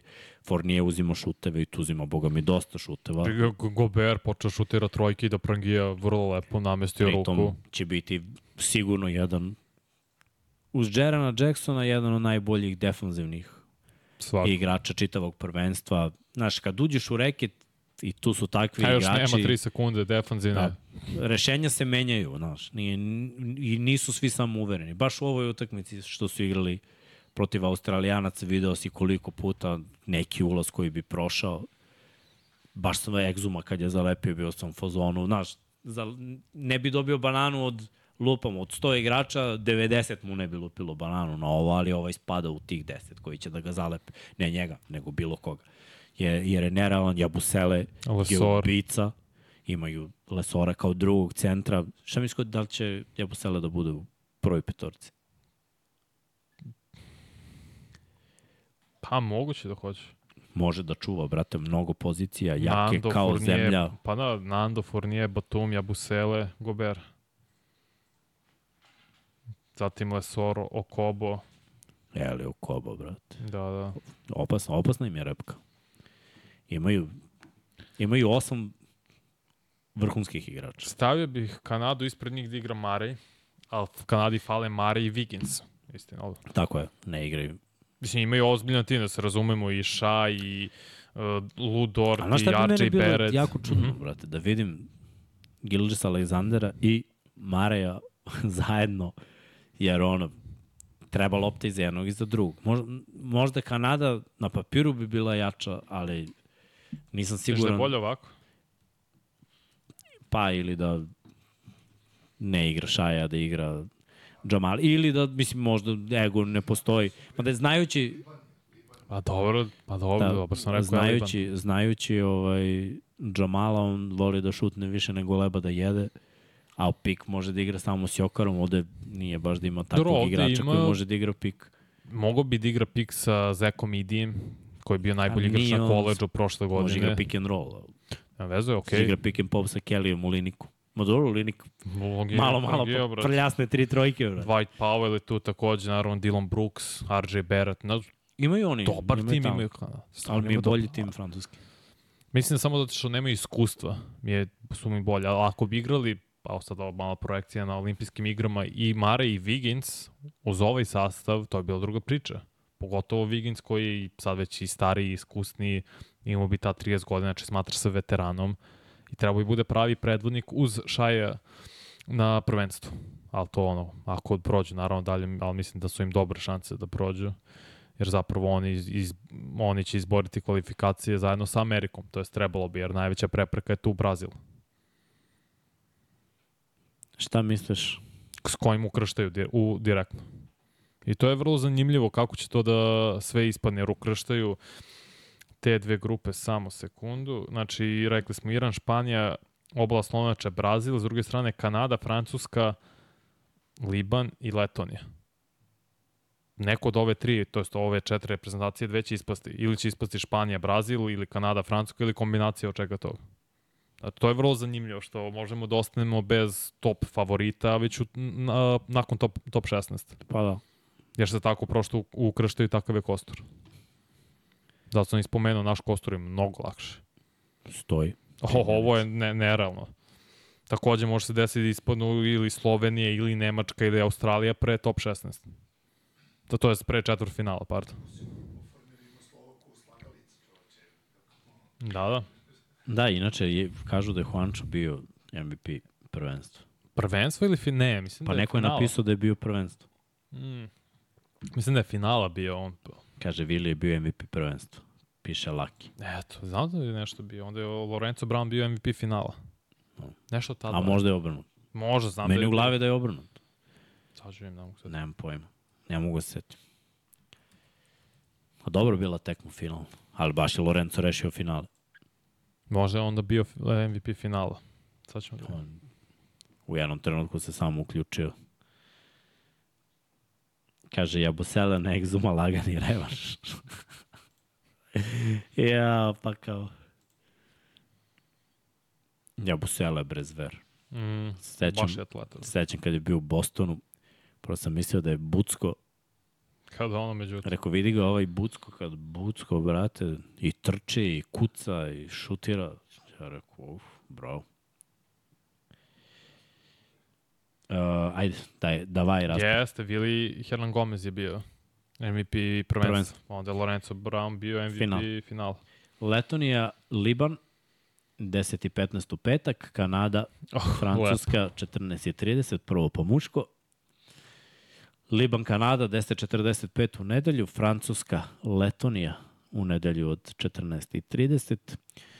Liban, Francuska, utorak 10.45 i Kanada, Letonija 14 i 30 u utorak. Pa dobro, zanimljivo. Ja dočekam. Šta je to dva dana proletić? Nije ni dva. To u petak, jedan dan. Šta? Sut, u petak u 10 kreće prvenstvo. To ne mogu da gledam. 25. Da, ti imaš četvrtak na petak NFL. Thursday. Thursday night. Znači dođem kući u 6, dok jedan, dok se tušnem 8.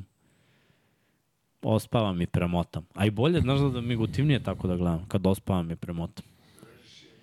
Što, pa nešto vežem, što nemam reklame. Kad god su reklame, ja brzaj. A pritom, možda javite šta hoćete, moj telefon tamo negde na punjači. Se zvali da se nikad ne javljam kad spavam.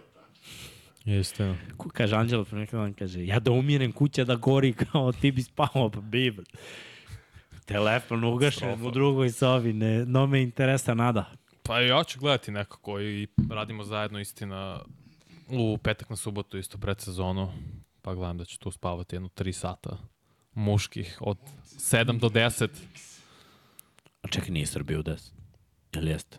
Jesmo u 10? Nismo mi smo u 2. Ma, mi smo u 2, ne znam, ima nešto To, u to, 10. ma da. nešto ima u 10. To, to, no, me plašiš, brat. Nije, mi smo u 2, mi smo samo poslednji dan u 10. To je Da. znači sreda.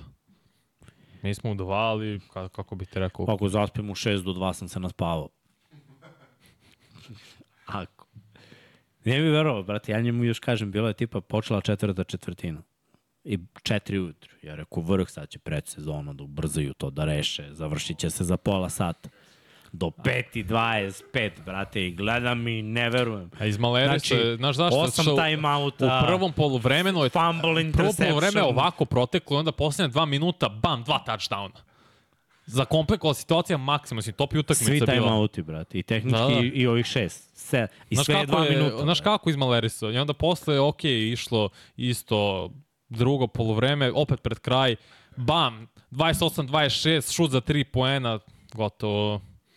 I stvarno je bilo, nije, kad smo završili? Nismo 5-20. Jesmo, bre. Jesmo. Da, ja sam stigao u 5.35 na autobus, bravo. Jeste, Pa kao, brate. Jeste pa iz Malerisa. 27 me. Vanja ima, brate. Rekao mi. 27 Rekao me. ima, On ima auto. Kad sam bio na Vigi, ni- kad sam živeo na, na, kad sam živeo na Vigi, nisam imao. A pre sam bajsam išao na predsezonski. pa realno Od. Vidikovca, brate, bajs. Razbudim se dok dođem, odradim tekmu i onda poginem dok se vratim kući. Ajde ovaj prelazak s Novog Beograda, most, Ada i to, i onda, brate, kad me dočeka onaj Žarkovo, u stvari to ide od Čukaričke padine do Žarkova, pa bele vode kad vidim onaj vidikovac, znači sunce me ozari. S, uh, hoću prvo da kaže svako od nas projekcije za grupe da bismo imali za Reels. Pa daj svako, ne, ne, ne, daj svak, daj mixing kadar prvo pa moj pa da kažemo po grupama ko prolazi čisto zbog Reelsa da imamo to da sta, štancamo. Zaposlio sam jebenog režisera. Stavi ovo u Reels. Strašan lik, on mene diktira šta ću ja sad da radim. Imamo košuljicu. Grupa. Ko prolazi? Angola, Filipini, Domi, Dominikanska republika, Italija. Italija i Dominikanska republika. Ok, grupa B. A ti? A ja, ok, tako ćemo, dobro. Italija i Filipini. Mislim da prolaze grupu A. Dobro. Grupa B. Mi. I Porto Riko. Ok. Ja kažem mi i Južni Sudan kao glavno iznenađenje ovog prvenstva. Vidjet ćeš, sve, sve će da vas iznenadi Južni Sudan. Kažem ljudi, oni će proći top 16. Dobro. C. Amerika, Grčka, Novi Zeland. Amerika i Grčka. Slažem se. Isto mislim da će stvarno biti Amerika i Grčka, da će Grci na svoje iskustvo i košarkašku inteligenciju na kraju poslednjem kolu izbaciti Novi Zeland. Dobro. D. Crna Gora i Litvanija. Litvanija i Crna Gora. Mislim da će na kraju ipak Litvanija biti prva. Ali da će Crnogorci uspeti da odu u četvrtfinale. Da će pobediti Grčku, ali da će Amerika dobiti Litvaniju i bit će zapravo odlučeno u, u duelu Litvanija-Grčka ko će izboriti to drugo mesto. Ali mislim da, će, da Crnogorci to mogu. E, Ko je beš ovo? Podsjetimo. Nemci, Finci, Australija, koliko će Japan. Finci da ih namuče, ali neće proći dalje. Australija i, i Nemačka. Slažem se, isto. Australija, Nemačka, žao mi što nećemo gledati Markanena dalje, to mi je izuzetno žao, prosto se tako poklopile grupe, da su u nekoj malo slabijoj grupi, da je mogu da se izbore za tu drugu poziciju, verovatno bi Markanena Mišiće to iznao ovako, pored Nemačke i Australije, nema teorije. Šta je dalje? Grupa F, Slovenci. Dobro, oni će prvi S kim se beše u Gruzija, Venecuela, Gruzija, definitivno. isto. Venecuelu znam, gledao sam i nema šanse. Gruzija je dobra repka, ali Slovenci će biti prvi. Slaže se, Slovenija prva, Gruzija druga, mada Gruzija je ozbiljan tim i mislim da će namučiti u drugom, u drugom krugu i Australiju i Nemačku, ali neće proći dalje. Možda će, brate, namučiti i Slovenci. Moguće, moguće. Grupa G, Španija, Brazil, tvoji prgavi, Tako, isto. tako, baš tako. Španci prvi, Brazilci drugi, ovamo u posljednjoj grupi Francuzi. Francuzi prvi. Hm. Ko je tu? Kanada, Letonija. Da, reći Kanada kao druga. Nemaju letonci bez Porzingisa. A bilo bi zanimljivo da igra. Da, da, bilo bi top, iskreno. Možda bi pecnuli nekog, baš bi po- poremetili grupu, bilo bi ono klanje. Pa da, ali posle opet moraš to, da juriš. kako su se podelile Si izvalio da nigde nema treće repke koja može da napravi pometnju. Pa, Svaka treća- Finska može da Svaka treća je potencijal. manje više povređena ili fali ono, najbolji igrač ili jednostavno nemaju toliko dobrih igrača, toliko dubinu. Pa da, meni Finci tu najviše mogu napraviti probleme. Poslednje dve grupe, Španija, Brazil, vrlo lako. Jer recimo su Finci u grupi sa Španijom i Brazilom, mislim da bi izbacili Brazil. Finci, iskreno. Pa, A pošto nisu, neće se ni desiti, ovamo Kanada i Francuska sigurno prolaze dalje, bit će zanimljivo ko će ispasti na kraju kad se ukrste te dve grupe, jer neko od Španije, uh, Kanade i Francuske mora da ispadne. Biće to, će biti zapravo ključna stvar za čitao prvenstvo.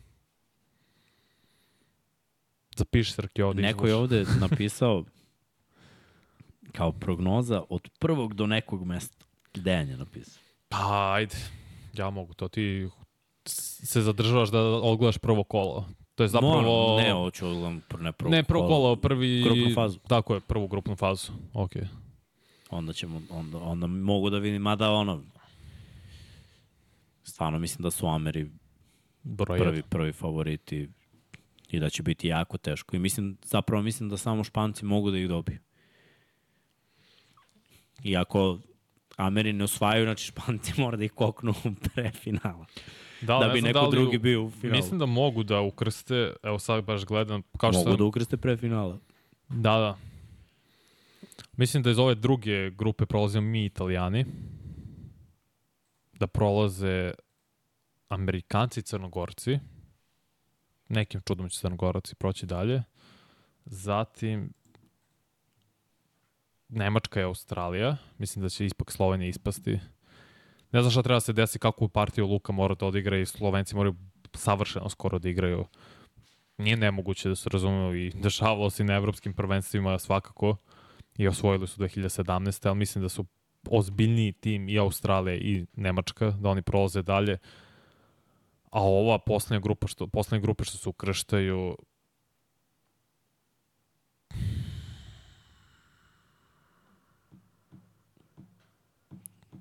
Francuzi prolaze, brate. rekao bih Francuska i Španija. Znači Kanada i Brazil ispade.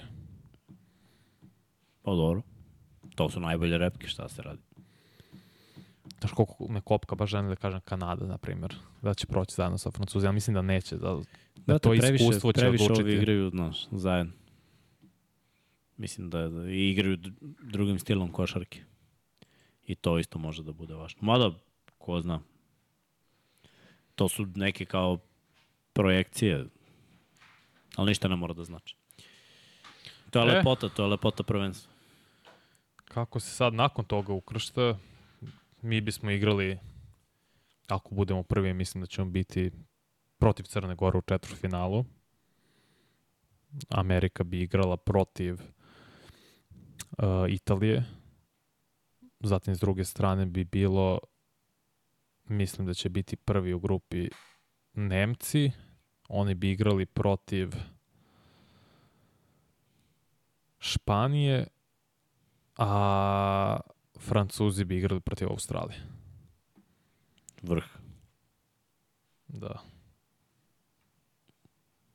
Prošli bismo dalje. Evo, pogura nas do polufinala. Brate. Mi Amerikanci bi, bismo igrali polufinalu, ali bi mi ukrštali sa onda... Uh,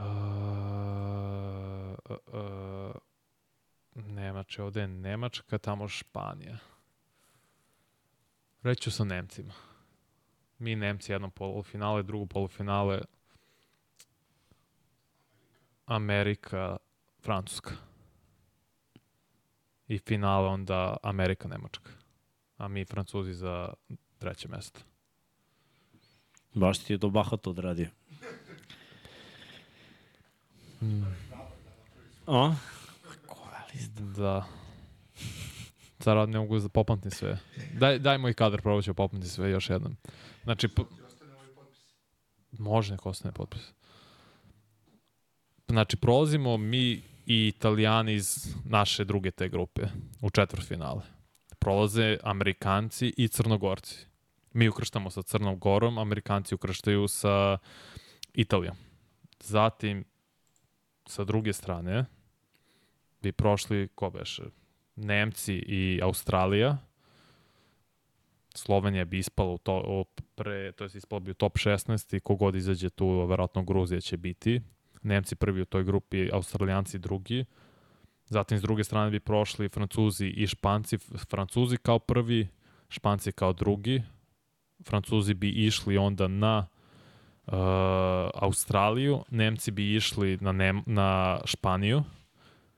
Mi dobijamo Crnu Goru, idemo na Nemačku koja dobija Španiju. Amerikanci dobijaju Italijane, Amerikanci idu na Francuze koji pobeđuju Australiju.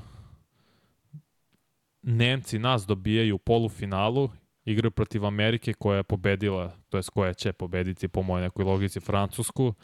I u finalu Amerika pobeđuje Nemačku, a Francuzi pobeđuju nas uh, treće mesto. Ali mi obezbeđujemo olimpijske igre. Vanja, ako se to desi što si ti sad rekao, stavljamo... Srki, piši ovo za Reels. Piši. Stavljamo ti ovde umesto naša predviđanja za svetsko prvenstvo, stavljamo ti dole potpis vi- vidovita ćorka i broj telefona da, da, da zoveš, da te zovu ljudi, Za donacije je bilo. sve što treba. Ti reci, ja organizujem sve. Javljam se na poziv i preusmeravam. Imaćemo umesto Milan Tarot, da, bukvalno Ne ko to. tebe. Ne znaš ko je Milan Tarot? Ne, brate. ne znaš ko je Milan Tarot? Te, bra, ne znaš ko je Milan Tarot? Ajmo mi, mi. ne, pojma. Samo me sprdaš, ne znaš ko Ne je znam, majke moje. Ne, tebe mi, ne, pojma ko je. Ne, ja znam kako mogu znam. E, mlađi generacija, na čemu ste vi odrasli? Ne znam ko je to. Pustit ću ti, brate, vidjet ćeš. Samo što ti ćeš biti ozbiljniji, ti ćeš stvarno dati ljudima ne. ne, nešto što će se ostvari za. E, luđe stvari su se dešavale što sam rekao i u 99 yardi i tako da...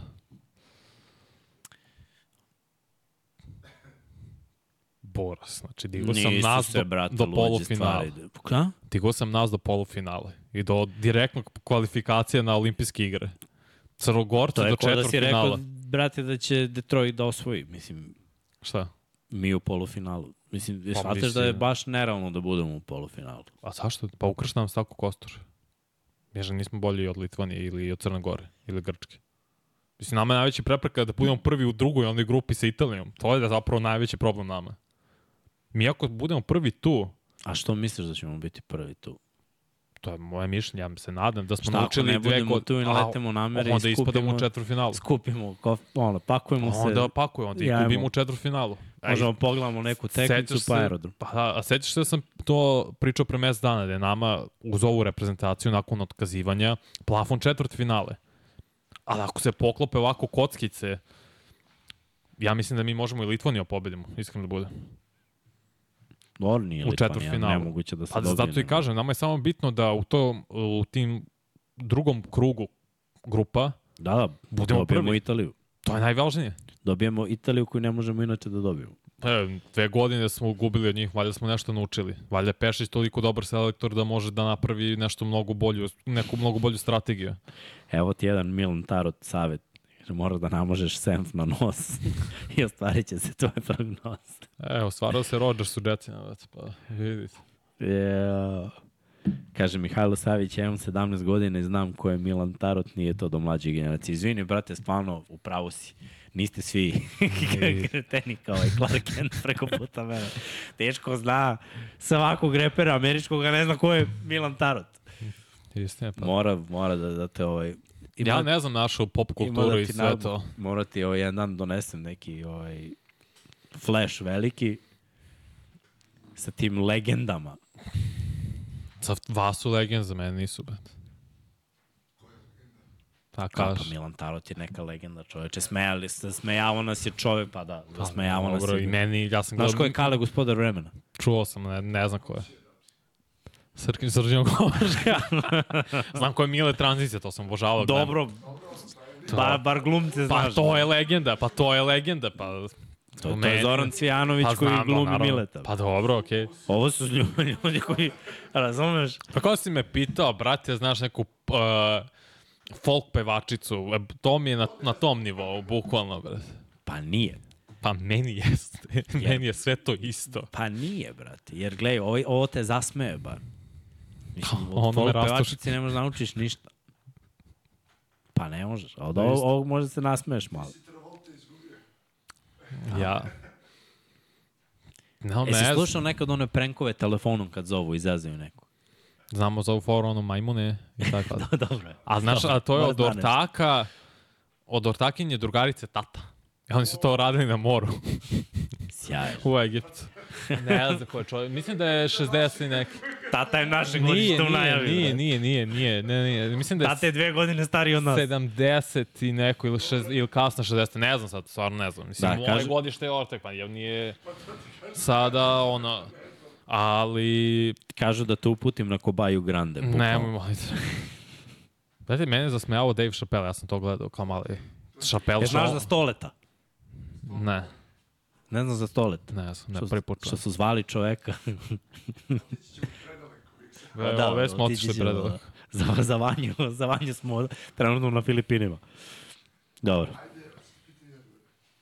Bolje da ne pitam Vanju šta sve zna, šta sve ne zna. Pazi, jako smo krenuli segment pitanja i odgovori. Pa, stvarno sam odrastao... Univerzalni odgovor treba piše dole pitanje i odgovori Vanja ne znam. Brate, odrastao sam na američkoj kulturi. E, znaš ko je Limeni? Trener. A znam, Dragane, to znam, to znam, to sam gledao, to znam, Jo, ljudi, kad biste vi znali kad je izašao taj klip koliko sam ja vikao na moje klince koje sam trenirao. to znam. Nisam imao ni jednog Dragana. E, Nije bio... Ži... Ma, te brajaka sam bio trener. Nismo imali ni jednog Dragana. Ni jedan Dragan, brate, za šest godina nije došao do trenera. Neverovatno. Gde si izgubilo ime Dragan? Pa malo, ne znam. I zamisli da je Dragan i quarterback i Adamovićem. Naći igrača. Kao znaš što sam provadio? to bi bilo vrlo, brate. Znaš šta treba, šta fali Fibinom sajtu? Kao simulator, da ti možeš lepo da izabereš i da napraviš nema, svoj... ni, to kost- nema ni jedan sajt. Ima. Koji? Ima sto, bilo je za svetsko prvenstvo futbolu. 100%. Dobro, futbol je. Da, 100%. možda za futbol. O, futbol je tebra 10 kategorija iznad. Ima da je to bila aplikacija neka. Ali bi to trebalo Fibi sajt da napravi samo Ja, simulator. koliko znam, ni jedan sajt Mislim da ovako NBA nikad nema čak. to. Pa dobro, Ameri su posebno. Ali ovako da na svetskom nivou i to. Da, da, da. FIBA naročito. FIBA bre, mi kad radimo, kad smo radili ono prenose i ti gledaš njihov zvanični sajt, jer redko koje kad igraju neke reprezentacije tipa Angola, Sudan, na flash skoru možeš samo se pomoliš da će da vidiš šta se dešava jer kasni dosta A i onda na na njihovom FIBA. zvaničnom sajtu Ne, kao, ne, kao ide. prijateljske? Da, ne prijateljski, nego kvalifikacije, tako, znaš ono, A, pa ima se. imaš, ali sajt im je katastrofa, baguje, znaš, ima zakašnjenja, ima grešaka. Tebra imaju da ono ne pogode sastav. Kapiraš? Uje. Ima da upisuju poene drugom liku. Znači, ono, ja ono beležim ko da je koša, ovamo skaču poeni na statistici drugom i onda na polovremenu prp, samo ga okrenu. Zamisli neko ko ne zna i kao gleda odigru igrače, vidi ku, ovo ima deset, idemo. I na polovremenu, pop, dva, brad. Uh, a ste ga ispucali s ovim pitanjima svaka čast. Kažu da te pošaljemo u prodavnicu po frutelu jer ne znaš ko je Milan Tarot. Da ga pošaljem po frutelu, ko zna šta bi mi doneo. Pio sam frutelu kao pio imali smo u školi. Do- Znači, trovali smo se svi. Katastrofa. Crke, se sećaš Tepso Kića na razmućivanje? Kao, popiti, popiti, popiti kao jedan dnevno. Da, da, da be. Mi izađemo napolje da igramo futbol i u onaj U, šok što smo... Do jaja step, su mnogo dva minuta. Kića u balon vode. Mi smo imali lika, zvao se Čile, koji je prodavao bombone, slatkiše, čokoladice, semenke ispred škole. Ima svoju malu kao drven... Ne, jesu, jesu. Ima tu kao drvenu stolicu, sede, pošto ima neki problem sa nogom. Dolazi stalno sa štapom i činijom, ne, ne, nije činija, kao korpa ogromna, znači kaže ti bombone, slatkiši, bounty, nemam pojma, ja šta sve nema. I to on naplaćuje. Ako nemaš para, ima jednu, kao kartonsku, nemam pojma, ne ja šta, kao kartonski papir i zapiše. Aha, Vanja dužan 15 dinara, pošto su žaki 5 dinara faza. I tako se i zapisuje sve. Možeš da vratiš sledeći put ili ne možeš da uzmeš. Carski. Pozdrav, znači, znaš kako Što mi nismo imali čileta. Imamo kikiriki. Jeste, ima sve, bre. Nemaš najjači lik. Kikiriki moja ozbiljna griskalica. U, to je to ja. More prestam da pisujem. Mikse krivo. Zašto? Za psovke što izlazi iz mene. Dobro, bolje ovde nego... Istina. Ovo je slobodna forma. Znaš kako je bio ponosan u ponedeljak na utorak kad si ispravio za Kad je prestao pokupili. da priča da, da To su- igrači skupljaju jarde. Pokupio, pokupio, pokupio, brate, ništa ne skupljaju. Šta I je? onda osvojili, i I osvojili. onda kaže, pok... Kaže, Miksa, pročiti moje, pusti stoleta. Džaba ja njemu, džaba ja njemu da objašnjavam ljudi, vidite da je Vanja u nekom svom svetu, ali dobro. Meni je to bilo toliko zanimljivo, čak i u ovoj mojoj bednoj hip-hop karijeri. Nije bad. LMR i ja smo gotivili u svaku pesmu da ubacimo ili nešto iz filma, ili nešto iz serije, ili neki iz tog klipa. Da mora da bude, jer smo mi gledali to i plakali. Ali moralo da ima tu neki ubac. Uh, ajde pucajte, dajte neka pitanja da odgovaramo malo, pa da idemo da popijemo, da peri, ovaj, napravimo račun, kad je već pravio dete, mora da pravi pare. malo da se pojačamo. Mada, brate, ove Murije ima na sve strane. Ako Evo, Murija gleda, stvarno, stvarno nije u redu. Ne može čovjek, bre, prođe dva kilometra da ne svetleša da grepice. Kaže Jimmy sa informacijom za Brazers je pobedio, dobro. Jeste bilo. Jeste bilo pakleno koliko smo oplakali svi. Ali te informacije, brate, stvarno kad, kad, ono, odakle ih čuješ, gde... Mislim, ja znam da smo mi svašta tu saznali i čuli na treningu. Naročito ako smo imali putovanja, pa to ti je si 50 idiota u autobusu i e, ste videli ovo? O, to se naglo svačega, to, to nije za javnost, ono. Čak i jednom trener odlučio da povede svoju porodicu s nama na putovanje. Kaka kiks. u Sloveniju smo išli i on povede dve čerkice i ženu, a ovi idioti snime neki film, bolje da ne pričamo šta su oni snimili. Znači, to je malo falilo da ovaj, naš čovjek sve izbaci iz autobusa i da nas strelja. Ako neko zna da li postoji sajt da može da se simulira svetsko prvenstvo, da mi biramo kostore ko će šta pobedi, nek pošalje ili, e da, pravo. Zapratite Instagram profil 1 na 1 podcast, juče smo ga napravili, otvorili, tu ćemo stavljati reelsove, zanimljive stvari, šta se desilo na određeni dan, rođendan nepoznatih igrača, Stavljat ćemo naravno i sad rasporede ko sa kim igra što se tiče svetskog prvenstva tokom čitavog trajanja istog, tako da pišete i tu, ako znate negde da ima taj simulator, ja bi prvi to vrlo rado igrao popunio, tako da slobodno i zapratite naravno jedan na jedan podcast na Instagramu. Pišite vanji. Mene baš zanima da li ima to. To da se klikne, to bi možda i uradio. Pa da, samo to. Kaže uh, Jimmy Moore na, na Reels zbog one izjave.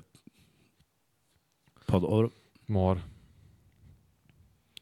Kaže, ko će biti Rising Star ovog prvenstva, po meni kandidati za nagradu su Nikola Jović, Paolo Banchero, Juan Nunez Bankero. i Montero. Hmm, Rising Star. Stavit ću tu a, Anthony Edwardsa. Mislim da smo ovo, to smo ti i ja smo već pričali, odskočna Ali, daska ispod za... 21 godina. A ima 22. Pa nije ispod 21.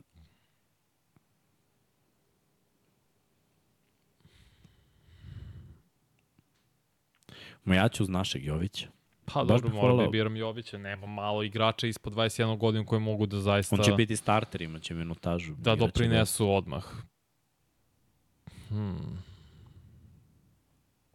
Ko igra uopšte u startnoj petorci, da ispod 21 godine u nekoj respektabilnoj reprezentaciji koja možda Pa prođe to. grupu. Nema ih mnogo. Ako ih ima uopšte, mislim, Sem Jovića.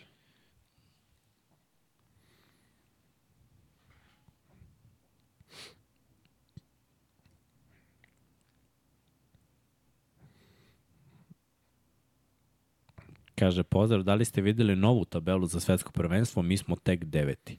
Pa da, to je kao Ne- power ranking od strane FIBA, vidio sam. Nebojša nije to toliko nerealno. Da se ne lažemo, znači mi ako uradimo, napravimo neki rezultat i sve to, jednostavno će se Hoćeš da namestiti. ti pročitam ko je, ko je ispred nas? Slovenija Pa je nabro, osma, nabrojao, nabrojali smo da smo kad si u tom pričao o trećem. favoritima, tako. je Tako. to su reprezentacije ispred. Mislim, to je realna slika, ne. Meni to nije, nisu nas oštetili. Ali nekad, naš, i te reprezentacije, ako se poklope neke kockice, mogu da naprave rezultat. Da Grčka u punom sastavu, ona je bila jedan od favorita, vrlo prosto. i- Mislim i da smo mi, naravno. I mi bi Skočili bismo. Pa da. Kaže, pitanje za fantazi nije ništa posebno, ali ono zanimljivije je pratiti utakmice tipa Dominikanska i Filipini. Ja ne mogu fantasy da igram, stvarno. Zaista ne, ne mogu da igram fantasy. Ne, ne, ne, ne, razumeš, ne mogu da igram fantasy. Da mi oduzima još vremena, a svakako već sada radim Ma dve stvari odjednom. Vremena nema nikako. Danas slušao ESPN i Fox Sport dok sam pisao i čitao Fibinom ovom. Ne možeš da veraš. Tek će da ti bude žao. Ne, nije mi žao uopšte. Kaže, momci, šta mislite o rumorcima oko Blakea Griffina i Šveda? Nisam čuo, šta? Kakvi... Select Baby kaže šta je, nisam čuo, brat. Ne znam, ne znam ovaj. Ne znam trač. Ne znam kakav je trač, ne razumem. Da vidimo, da vidimo. Moguće da FIBA ni aplikacija nema ništa. Zašto se ja prijavio Play and Win? Samo mi to nije jasno. Ne vredi. I Nunez je starter. Pa dobro, mogu bi Nunez. Ali ja mislim da Jović ima odrešenije ruke. I navijam, naravno. Dobro, možda i nema odrešenije ruke, možda samo navijam. Navijaš. Možda malo više navijam. Znaš što sam ja ušao ovde, moj brat.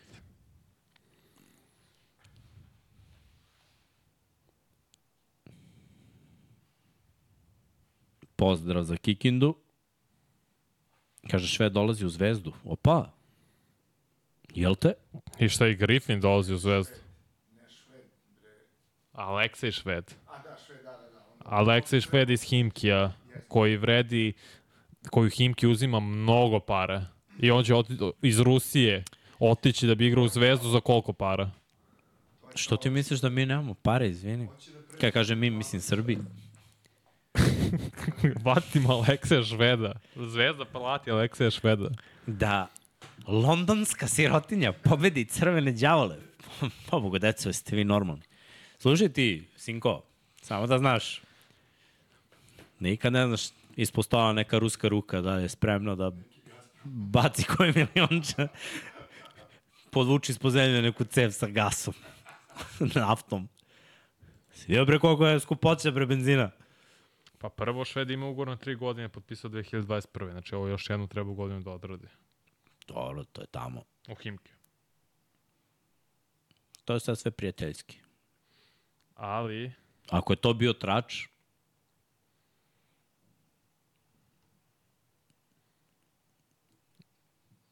ali može da bude slobodan agent ako ne igra u VTP ligu. Meni Pa pitanje je šta čovek hoće da igra. Jer mislim, znaš šta, ja se sećam, radio sam te posljednje utakmice Euroligi i Eurokupa kada se desila ova situacija sa Rusijom i Ukrajinom, kako su ih samo zasekli, znači sve timove, pap. I onda ovaj, kogod je mogao ili se vratio kući ili je probao nekako da, da nađe neki angažman. Konkurencija u Rusiji, znaš, nije to isto kao da igraš ovako takmičenje. A opet treba ovaj, treba bre sve to izgurati sad. Sigurno ih posmatraju nekim drugim očima. Treba da, da Švedi, izađeš sad. Zar nije bre Šved ima ugovor 10 miliona po godini u Himkiju? Ne mogu da se setim ko- kolika je bila vrednost ugovora, ali brate, on Rus, je- najbolji br, Rus, najbolji ruski košarkaš. Dobro, brate, lik je šifraš, ali realna priča je da možda će igra košarku konkurentnu. Šta će mi kažeš da je, u, da je u Rusiji konkurentna košarka kad ne igra niko trenutno tamo?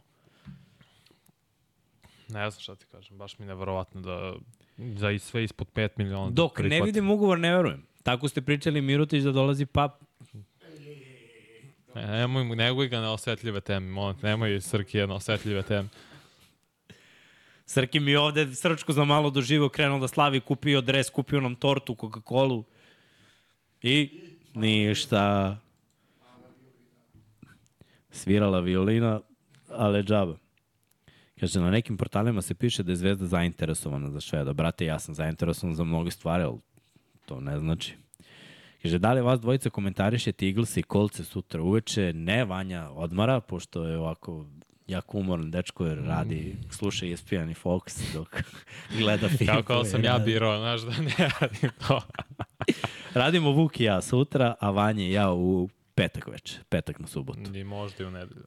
I u nedelju na ponedljak je sledeća utakmica, tako da vidjet ćemo, ali sigurno radimo u petak na subotu. Ti Kinezi su zainteresovani za Šveda, stvarno misliš da Crvena zvezda ima više para nego Kina? Konkurencija, Vanja, to je bitnije. U njegovu, mislim, ja ne mogu njega da opravdam, čovjek je uzo para i para i gledaj, možda je sad u godinama kad može još godinu dve da odigra visoko u nekoj jačoj konkurenciji i onda može da odigra i u Kini gde god za mnogo para kasnije kad znaš i, Ima i 34 godine, bre, dok Šved.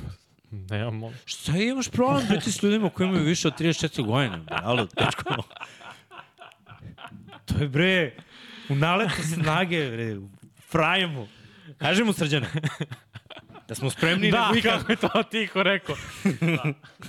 Možda ne trčim brzo, ne skačem kao pre, ali daj bre, u Kini možda igraš iz 36, Pa dobro. ali u Euroligi teška priča.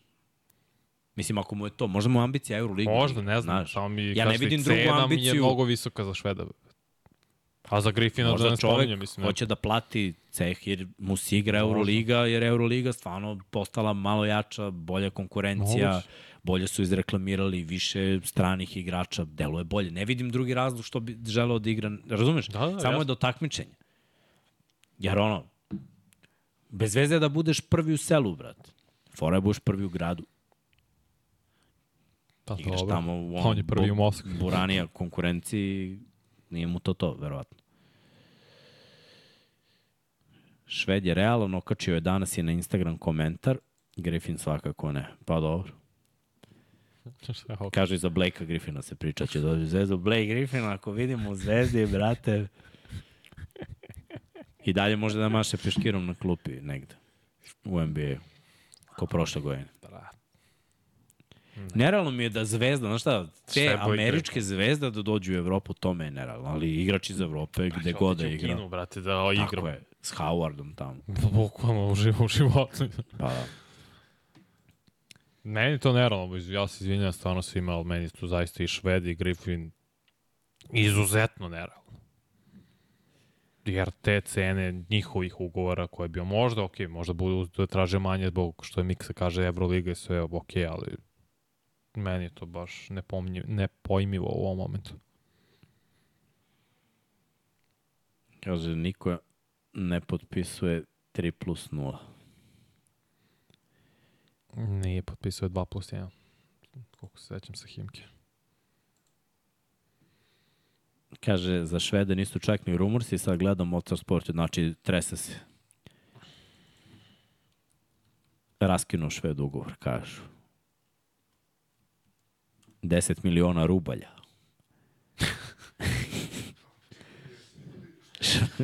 Znam koga bi mogo da... Švedova žena je lajkovala Što je najgore, znaš na, i koga bih mogo da pitam. To bio je Miletov gost. Pre.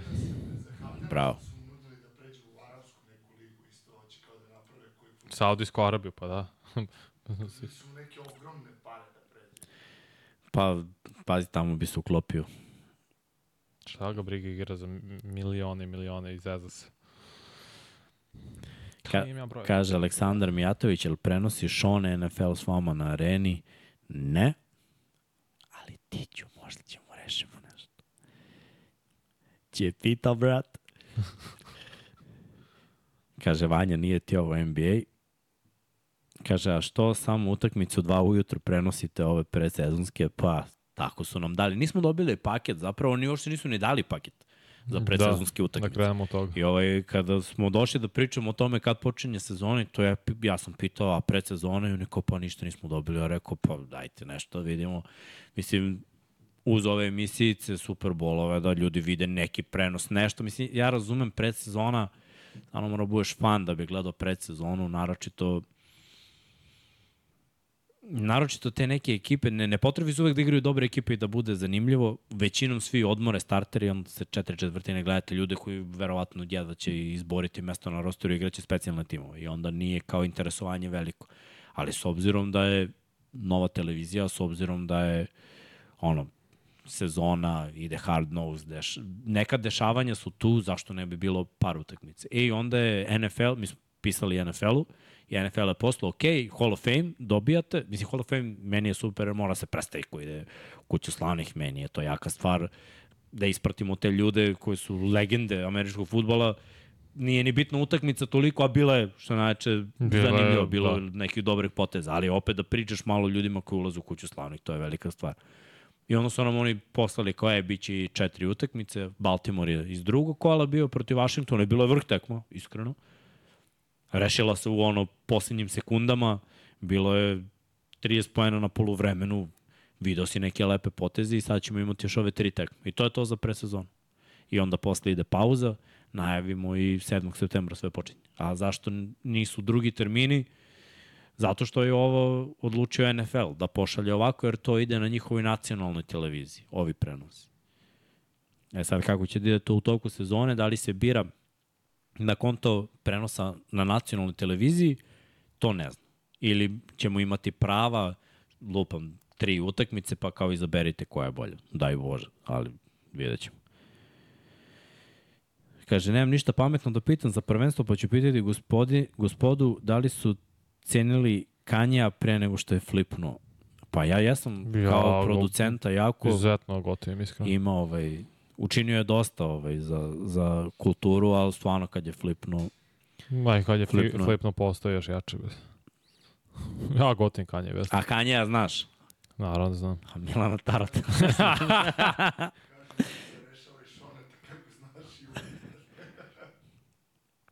Će pita, brate. Uh, kaže, Vanja, poslao sam ti na Insta simulator za svetsku. Vrh. Eto, Bravo, Milane, rešeno. hvala. I to je rešeno. Kako se ovaj broj čovjek, ne mogu sad. Kaže, nije to nova televizija, već je NFL bio na areni. Bio je, ali da ne Bio komentariš. bio Da.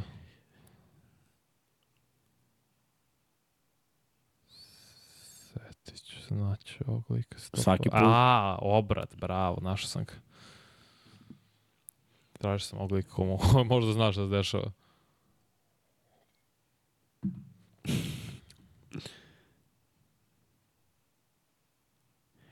Kaže, Mikser, si snimio možda pesmu sa cvijom?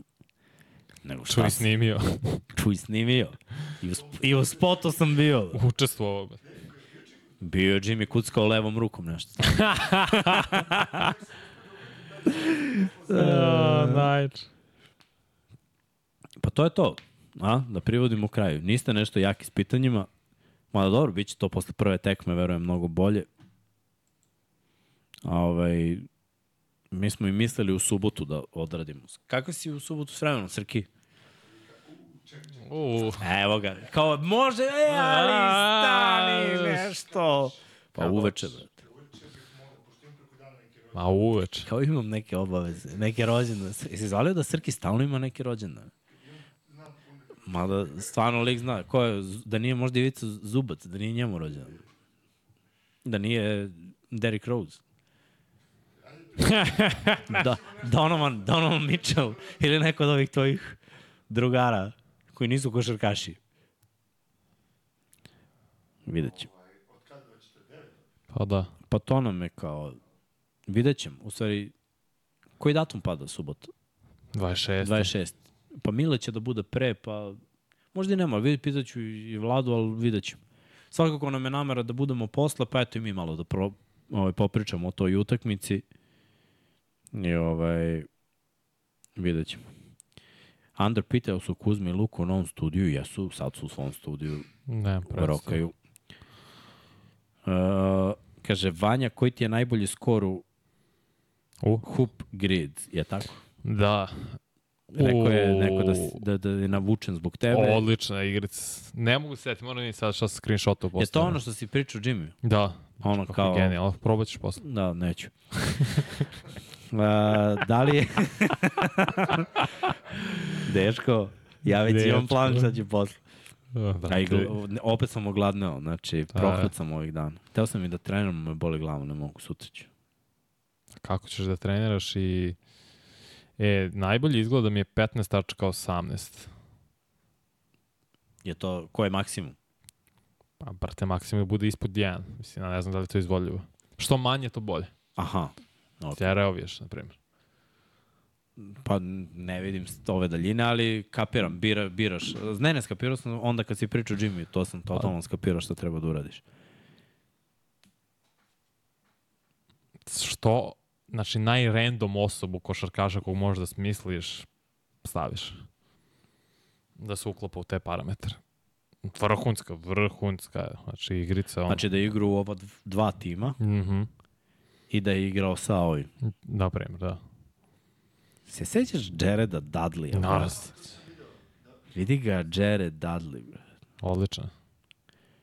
Da, da, pa dobro, ovo baš treba da se sećaš. I Da, baš znaš. treba da znaš. Mislim, ja ne znam ljudi koji imaju, koji pogode nekog iz 68. da ne znam kako da izgooglaš šta to. je 68. po razredu? Mogu da pogodim iz iz dve dekade koje sam, Mi, tri mi koje sam ti to gledao. pričam, ne znam kako ljudi izgooglaju Od nek, 90. nekog do ovde se sećam 80. Igrao fazon tri sezone za te dve ekipe i to je to, ne znaš ko sve. Ne, rođena porodica, familija, šira ne zna da igrao NBA, oni to nekog kao u kucu zna, nema me zezaš, ne znam kako da izgooglaš to. Dobro, A ovo što je Raduljica, najjači mi, znači koliko sam... 075. Da, da. Tako mislim da je to najbolje bilo. Kaže, highlight emisije, lik ne zna za Milana Tarata. To ti ide na Reels, te ili ne? Sad ću da javim. Srki, piši tamo time kod. Uh, da li je loše to što ne da ne ide na Mundo? Evo jednog pitanja. Ma jo, Ja mislim da... da to je, ja mislim, odlično. ja mislim da je da, dobar. Iskreno. da je dobar potez. Edo Vanja kritikuje stalno selektora, ali mislim da je ovo dobar potez. Mislim da, da Forman nije bilo tu još... Uh, ajde da uzmemo celu priču da ima problema s povredama, da to nije da. Do njega toliko.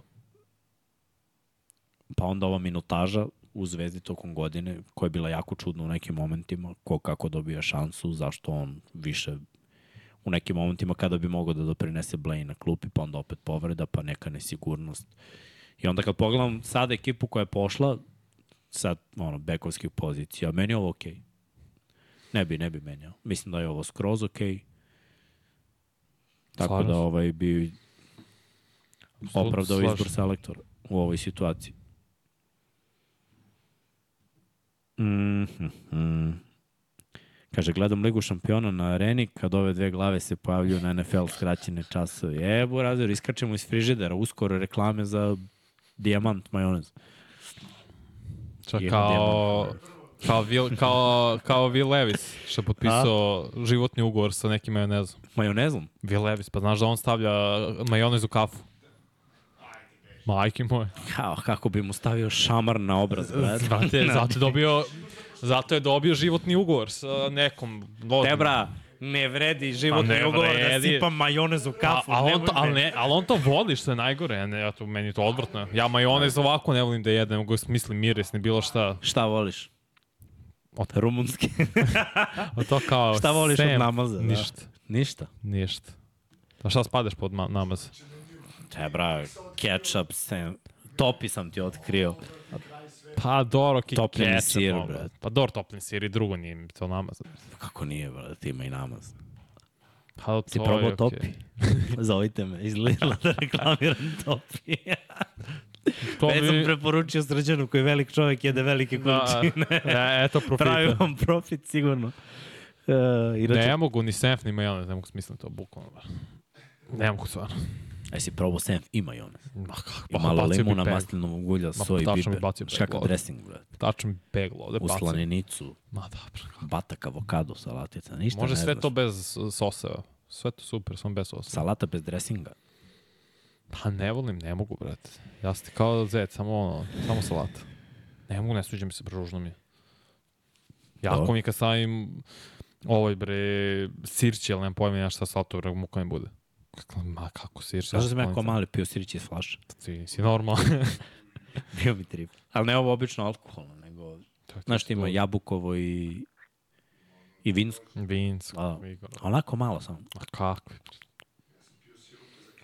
To sam rokao oko lud. breš. to su morali da sakrivaju. To su prosipali da ne bi se otvarao frižider. Roknem sirup za kašelj pa slažem Lego kocke. Kakvo detinjstvo. Uh, šta mislite, može Jović da bude all-star igrač jednog dana? Nikola? Mislim da može da bude vrlo dobar starter jednog dana. Nisam siguran za... Ajde da mu damo šansu da se razvije, jer za sada deluje, ako bi napredio tri segmenta svoje igre da bi mogao. To mi je potrebno da, da tipa na trojici, četvorci budeš Dobar all šut. star. Znači da, da budeš dobar šuter, mislim bolji, da unaprediš još više šut, uh, da odbrana malo da budeš fizikalniji, da možeš da pariraš i na niskom postoju, da možeš i da trčiš i da budeš aktivan u tranziciji. I ono što fali, po mom mišljenju, američkim igračima na toj poziciji, da se razlikuješ jer si bolji asistent.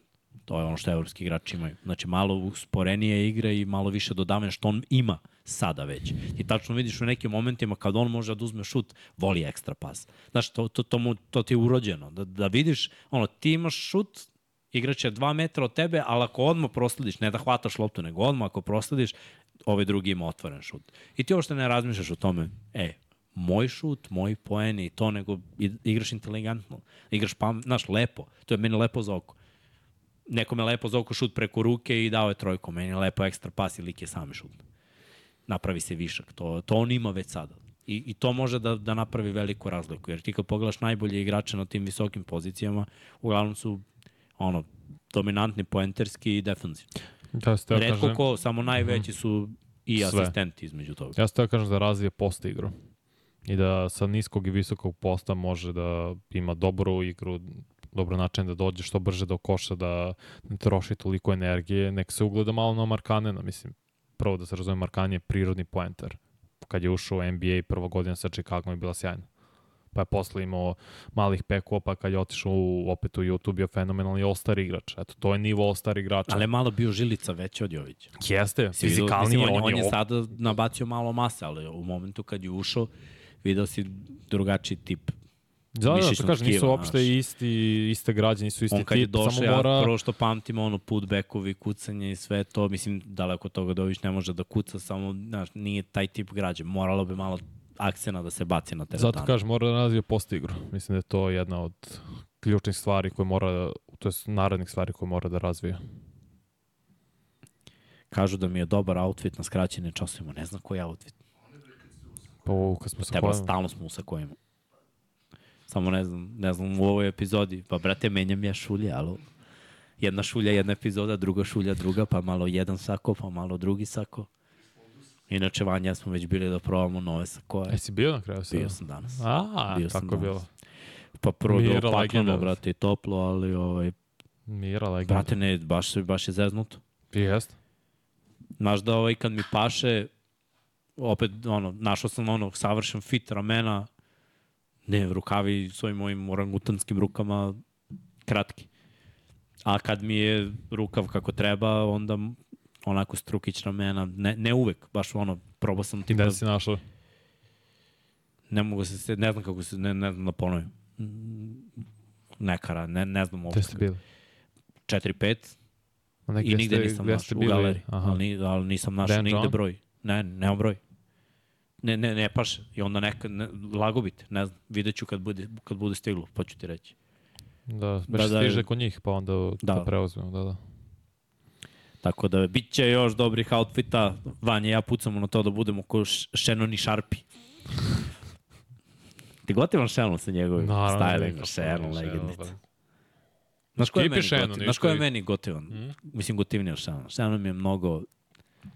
Obojica imaju dobri skip Shannon, baš lepo Ovaj se oblači. Nate Burleson, što je u Good Morning Footballu bio. Slabo pa gledam Good Morning Football. Ali ne, Evo, ne, ne radi on već godinu dana. Više od godinu dana. Više mislim, dve možda. Da. Ali je radio pred...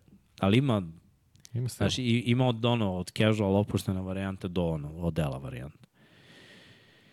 Uh, kažu, kako stižete odjednom da budete i tu i u studiju na areni upravo sad istovremeno? Pa, to smo, nismo teli da vam odamo. Milan Tarot nas je klonirao. e, kaže, sivi sako i ljubičasta šulja. A, to je Bordo, Bordo. Bordo šulja, da, da. Kaže, da li bi realno značio Teodosić na playu? Pa, znaš šta, ja stvarno, ja stvarno mislim da ti veterani igrači znači i kroz pripreme, kao savjetnici za mlađe bekove i kao igrač, znaš, koji može da, da, da uzme neki težak šut, da, ras, da rastereti malo igrača, jer opet, zašto sve druge reprezentacije zadrže jednog ili dvojicu veterana? Je tako? Evo pogledaj, rekli smo i za Francuze i za Špance, znači te konstantne reprezentacije, mislim, gledaj, Nemci da imaju nekog veterana, verovatno bi oni, ali nemaju, oni sad idu u ovom drugom smeru. Mislim da smo mi jedni od redkih koji imaju Ameri, znamo da ne idu uvek na svetsko sa nekom mlađom ekipom da oni ne vuku veterane tu. Tako da od glavnih igrača, pazi, evo i Australija ima veterane.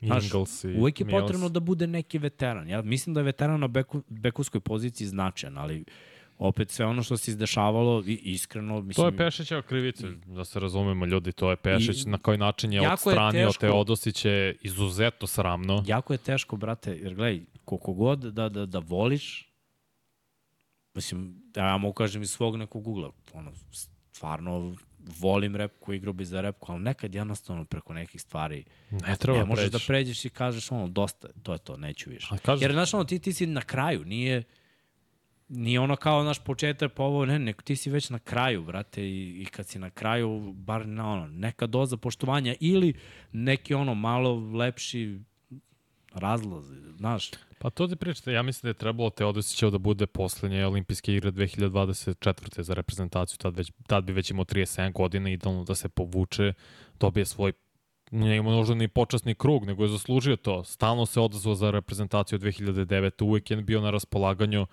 i da Pešić to uradi na takav srama način, kako god je zapravo to shvatio Teodosić. Gledaj, ja Je razumem, vrlo ružno razumem- sa Pešićeve strane. ja razumem potez. Samo da sam teo da napravim taj potez, rekao bi mu ranije, ne bi ga ne zvao. Pa da. Znaš, ne, bi zvao veterana igrača da doradi pripreme, da mu kažem hvala Ćao. Boraziru, nemoj. Ne, znaš, nego bi rekao, e, idemo u drugom smeru, ono, Zaslužuje grešim ili tako nešto. meč. dobro sve stoji. Oprošteno prvenstvo, Brate, to je ja, ja, to, ja to prvi kažem, samo ne da se nije desilo. Kaže, jel pričate u 99 yardi isto u košarci kao ovde u NFL-u da počnem gledati? Pa Vanja i ja solidno nabacujemo košarku u 99 yardi od početka. Mislim, zato smo i počeli da radimo ovo. Da. Ideja o ovome je došla zato što smo mi bacali ovaj, stalno neke, neka poređenja sa košarkom i Onda NBA, kao je napravimo NBA podcast. usko povezano svakako. pa jeste. Jel voliš Urnebes i Ajvar? Ne. Kajmak? U, to ne mogu smisliti. Kao mali sam, ba, kao mali sam bacao pegla zbog hajmaka, ne mogu neko. Baš Ma da me- pazi, Vanja i ja, totalno se slažem. U našem frižideru ja bijao sve. Vanja bi je brstio salatu, Ne, a ja bi mogu, počistio sve stvarno. ostalo. Ba zašto me baba terala i deda kao mali jedi, meni se to smučilo. Ja ne mogu miris da ponesem od toga. Ne, A ne mogu. lučena paprika s belim lukom. Ne. Ne, ne, ja nisam, ne mogu, na, našu, Sam gladan. Naša kuhinja mi nikad nije prijela. Bet. Punjeno papriku mogu da A jedem. dobro, ovo to volim. Paprika u Pavlaci. Ne, ne volim pavlaku. Pečurke u Pavlaci. Ne volim pavlaku. Susam Pavlaka. Ne volim našu, ne, našu kuhinju generalno slabije jedne, stvarno. Sve to pavlaka, kajmak, sve to kad ja to ne mogu. Vrti. Meni muka bude toga, iskreno. Šta da radim? e, Pokuševski? Kao šest igračka, on sa klupu Osija, on Avramović i Gudurić, to bi na bilo dobra rotacija njih trojica da imaju malo veću minutažu sa klupe nego ovi ostali igrači, jer mislim da ti da je dovoljno Ali da ne igraš igra- sa ne igra osmoricom. Bre. Igra A, Petruš. Petrušev, izvin, A. da, da, a šta sa Pokuševskim? Pa verovatno da li bi se uklopio da je Pa zdrav. možda i mislim. bi, mislim, opet nije igrao nikad za reprezentaciju, koliko se ja znam. To bi morali baš da vidimo. Jer kao Jović, ne znaš šta imaš dok ne vidiš. Da, ali Jović je sad već koliko, dve, tri godine mlađi od njega, tako da i sad ulazi u sistem u pravo vreme, sistem, Mm. mm. kaže sistem, mislim za seniorsku reprezentaciju sa 19, skoro 20 godina, dok Pokuševski nikad nije bio. I sad da ga uključujem recimo za olimpijske igre ne bi, iskreno. Tek bi ga uključio za uh, evropsko prvenstvo, jer za olimpijske igre treba da bude mesta za Bjelicu, eto još jedan veteran, Lučić, Kalinić, Jokić, to ti četvo, četvorica igrača plus Micić, to je petorica, znači sad odbaci petoricu koji su trenutno u sastavu našem da bi, o, da bi njih pet išlo, a to su, ja se izvinjam, ko bi tu zapravo morao da otpadne? Vanja Marinković, vrlo verovatno, Dušan Ristić, Boriša Simanić, Davidovac Pa, i pet igrač bi neko isto morao da o, o, o, otpadne. Morao bi, morao bi da se vidi, brate, na pripremu. Ne znam, Na ali tim ti kažem, ovo su pet, ono, Ne možemo da kažemo nismo ništa videli. Drugo, znaš, kako god bilo ovo, videli smo i videli smo da može. Moraš da vidiš, jer dok ne vidiš, za tim ne igra, sa Pokuševski. ovim timom ne igra, tako je.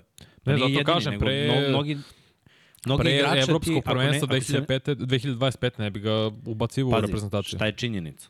I ubeđen sam u to. Svaka čast izuzecima. Ali ako se ne igra Eurocup, Euroliga i NBA, ko, i ono, i ne igraš za repku, ko gleda tebe? Mislim, To ti pričam. ja sam radio mnoge tekme s našim igračima iz liga koje znam da gledam ja što prenosim, ovaj u režiji što mora da pusti time out i ono, kad je pauza u četvrtini još tri osobe eventualno. Mislim, ako se ne vrti negde u nekoj kladionici. Ali to je realna slika. Mora da se vidi na delu. Dok se ne vidi, nije okej ni pričati. Mislim, moramo da vidimo. Ko zna ko je bolji, ko zna ko bi se bolje uklopio, ko zna kako bi ko kliknuo. To ne znaš dok se ne desi. Ma ne, naravno, samo mislim da i za olimpijske igre ipak treba da ima i ta norma da li si zaslužio ili ne, da li si igrao na prethodnim takmičenjima. Drugo je primer Viktora Vembanjame koji će sigurno ići za Francusku sledeće godine. Zašto? Zato što je Vembanjama, zato što se igra u Parizu i on je sada čudo broj jedan u košarkaškom svetu, njemu svi pričaju, on će sigurno igrati. A igrao je u, u, u kvalifikacijama i prijateljskim utakmicama, sad ne igra samo na, na svetsko. U tome je razlika. Stvarno treba zaslužiš za olimpijski igra, za evropsko već je druga priča. Dobro, tu se slažem. Mada pravi se neka nova generacija, to je moje viđenje, pa ćemo videti. Uh, će biti skraćene časove nekad na YouTube-u, ne znam, mi ćemo im dati predlog, a verujem da... Ja sam mislio da to ide na YouTube. Pa pogledaj to. Ja ne znam, Da je to ideja da ide nakon toga na YouTube. pa moguće. Mislio sam, ne znam. Možda se čeka da, u stvari, večeras, Večeras je je poslednja epizoda. Da, da. Uh, kaže, mogo bi... A, odvrat. Ah, Mogao bi Vanja da napravi jednu emisiju o igračima iz Senke, kao što su Wim Baker, Muki, Blaylock, a, Muki Blaylock. Michael On je Ray odličan za Richardson, Hood- Alvin. Robertson. Može, tam pred početak. Pred početak sezone. Ali ta ćemo malo smanjiti u količini, raćemo vjerojatno jednom nedeljno. Ali o tom potom. Ta vi stvarno nema. Kažu da se Vanja hrani kao da je rođen u Japanu, jede ribu i rižu. Volao bih najviše na svetu to. Voli, vodio sam ga na kinez prošle nedelje. Isto. Daj Nije Bože da, sam, da, Japan. da vodim bilo koga u Stvarno Japanu. ne. I sebe, I sebe zajedno s tim nekim. Nema, stvarno na YouTube, rećemo da je ubace bilo bilo. Da, da. Potrudit ćemo se da skraćeni časovi budu na Tako YouTube-u. je. Reći ćemo na zahtev publike. Ovaj, ko će biti MVP šampionata? Ja mislim Anthony Anthony Edwards. Edwards. Brate, lik je ubica. mislim. Jeste, kako nije, brate. Ovo mu je odskočna daska ka superzvezdama. Kao što je služilo Durantu 2010. i Roseu takođe Da, da. u Turskoj kad su igrali svetsko prvenstvo, verujem i njemu će ovo isto ovako služiti. Kako je zakucao ono preko Tajsa iz naskoka, nevjerovatno. Ma Ne bre, dečko je vanzemaljac. Pitaju ako ostvare uspeh, pa odu na olimpijske igre. Jedno veliko, ono, caps lock, ako. Po moje projekcijama mi idemo. Da, po tvojim projekcijama. Ali mislim, Dobijamo Crnu ne Goru u četvrtfinalu, kažem ti. Ne, svakako, mislim, ova ekipa ostvarila uspeh, ne ostvarila uspeh, možda ne sledeće godine, ali za dve godine tu ima igrača koji će biti u ozbiljnijim godinama. Da, bit će glavni stubovi reprezentacije, zapravo. Ovo pričamo o ciklusu, o narodnom ciklusu. Mislim, meni se ne sviđa, i to moram da kažem, Mislim, gledaj, me- meni, meni je, na primjer, Mhm. ovako, Milutinov baš radi posao i vidi se sigurnost oko njega kad uđe u igru. s njim slažem. Ali za dve godine je potreban neko drugi. Mislim, Potreb- neko mlađi za početak. Ko je već sada... Koje je Milutinov godište? 95. Četvrto? Ne znam tačno. Ali mislim da naš u jednom trenutku, ne, ne da on ode u penziju, ne kažem to, nego samo treba da se pojavi neko ko bi trebalo da ga nasledi. Mi uvijek imamo problem da nađemo tog nekog ko će da nasledi. A trebalo bi da to bude prirodno, da se samo pojavljuju novi klinci. Znaš, da imamo uvek po dvojicu, trojicu na pozicijama. I da razmak između njih bude ono 3 do 5 godina. A dobro, nisu ni Španci sad imali nakon, mislim, Dobro, dobro, oni su- imaš braću Hernan Gomez, Oni su ali... dugo držali jednu Pau i generaciju, Mark. razumeš, Pa ali pričam. nisu za reprezentaciju igrali drugi, ali su se pojavljivali u, njihovim, u njihovoj ligi i naši, ono, čekaš, čekaš, čekaš šansu, igraš, održavaju na visokom nivou i pa pod jednom, mislim, oni sad imaju dosta dobrih klinaca. Ha, pričali Koji- smo, koji jedini nisu su dobijali- Španci igrali sva ova finala os- do 18, do 19, do 20 Zato je godina. mene i razočaralo da tipa jedna takva institucija koja u mlađim kategorijama Lorenzo osvaja Brown. sve, uzme Amerikanca, brate, ti je toliko stalo da uzme O, zlato. Lorenzo je. Šalim se, ono što sam teo kažem, ne sviđa mi se što su promenili sistem takmičenja u košarci. Pričamo o međunarodnoj košarci, gde je pre bilo jedne godine evropsko, pa svetsko, pa evropsko, pa olimpijski igra. Imaš taj ciklus. Sad više nije tako, sad je sve istumbano zato što su pomerili evropsko, svetsko prvenstvo koje je trebalo 2018. da ide išlo 2019. i to se sve istumbalo sada. I onda COVID dodatno zagorča čitu situaciju. Ja ne znam sad kako funkcioniše, jer šta je onda 2026. godine? Nema prvenstva ni jednog. Mislim, moguće da neće biti ni evropskog, ni svetskog, ni do, naravno olimpijskih igra. dobro, bit će neke kvalifikacije. Pa ne, to je i Kapiram te, hoće da gaš košarku svaku Ma, leto. ho- za svaki sport je jedan problem što više nije tako. Jer ima, znači, kontinentalna prvenstva na svake dve godine, na svake četiri evropsko i na svake četiri olimpijske igre. Tako svake godine imaš nešto. Ja tebe totalno kontam, samo ti i ja stalno razilazimo po nekim razmišljanjima jer ti ne kontaš baš biznis. Jer A šta je ovde loše za biznis, objasnim. troši se igrači. Nekom to ne... Brate, ja ne znam gde. Ali nekom negde ne odgovara da se igrači troše. A šta se troše? Ne, Pa igraju, brate, jedno leto više umesto da odmaraju da se pa spremaju za uvijek su svoje igrali jedno leto više. To je Pa, problem. igrali su. I ni vlasnicima to ne odgovara. I zato imamo ovo. Tako je. Zato imamo ovo. Zato što postoji ogroman pritisak od strane vlasnika klubova da igrači Znaš, da se oni forsiraju, povređuju se. Ako, se, znaš, ako si full zdrav, ok, možeš da odeš i da igraš. Ako malo nisi zdrav, čekaj Borazeru, pa mi ovde plaćamo milione. I onda, znaš, imaš neki ogromni pritisak i uglavnom odlučiš da je pametnije da ne odeš. I onda ta jedna godina za preporod tela, mislim da, da je za biznis klubske košarke jako važna. A taj klubski biznis utiče na FIBU, što se košarke tiče. Mada i za druge sportove, mislim, za FIFU i itd. itd. Mislim da se sve više ide ka tome da sportisti se manje troše a da zarađuju više. Ma, to je katastrofa. A to je biznis. Viš kako ide. Znači, kao neka što je čokolada bila 100 grama, sad je 80. Dobiješ manje, a platiš više. Ništa nije, brate. Krajcuju nas, krajcuju nas sa svih strana. strana. e, a. Opa, vidi kako mi lete ova pitanja. Dobro je, zaleteli ste se. U početku ste bili stiljivi. Ali ima... Z... Za žene... Ja, za da, ja rekao, dobro ljudi, prrr.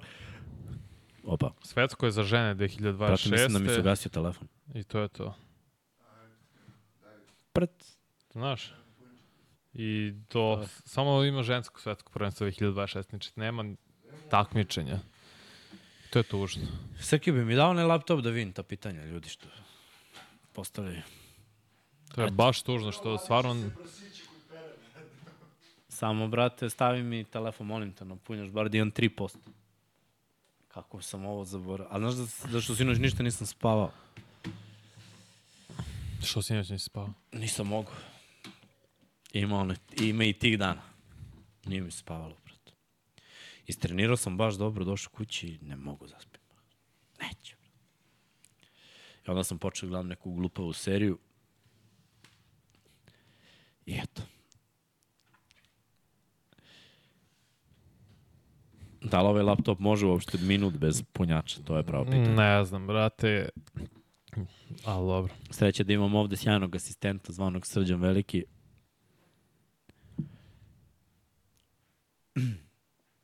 Opa, pa evo ga punjač. Punjač ja mislim uvijek dole. Evo bre, sve, sve je namešteno već. Ma da, ne znam što nisam... Jesi naš punjač? Tamo u sobi ona, ja? Nema. U sobi tamo punjač. Ma da, imaću 30% na kraju. Sad morate malo da budete strpljivi jer ovaj laptop radi, ali sporo. Radi kao da ne radi. Kao lada, lada niva. Malo je problem da se upali, ali kad se upali, Ja dalje ne mogu da verujem da stvarno nema nijednog takmičenja 2026. godine. ja sam mislio da će kaže, ja stvarno ne mogu da verujem da lada niva ima novo auto ima sauh. Znam, vozio sam je, brate. Koji Srki piše jekavicu? Ja sam napisao da je Jekova. Veliki srđan piše i jekavicu. Velike srke voli. To je svetski čovjek. To je verovatno navika za što se sa zupcem dopisuje. Znaš. A da, ja mislim da je to.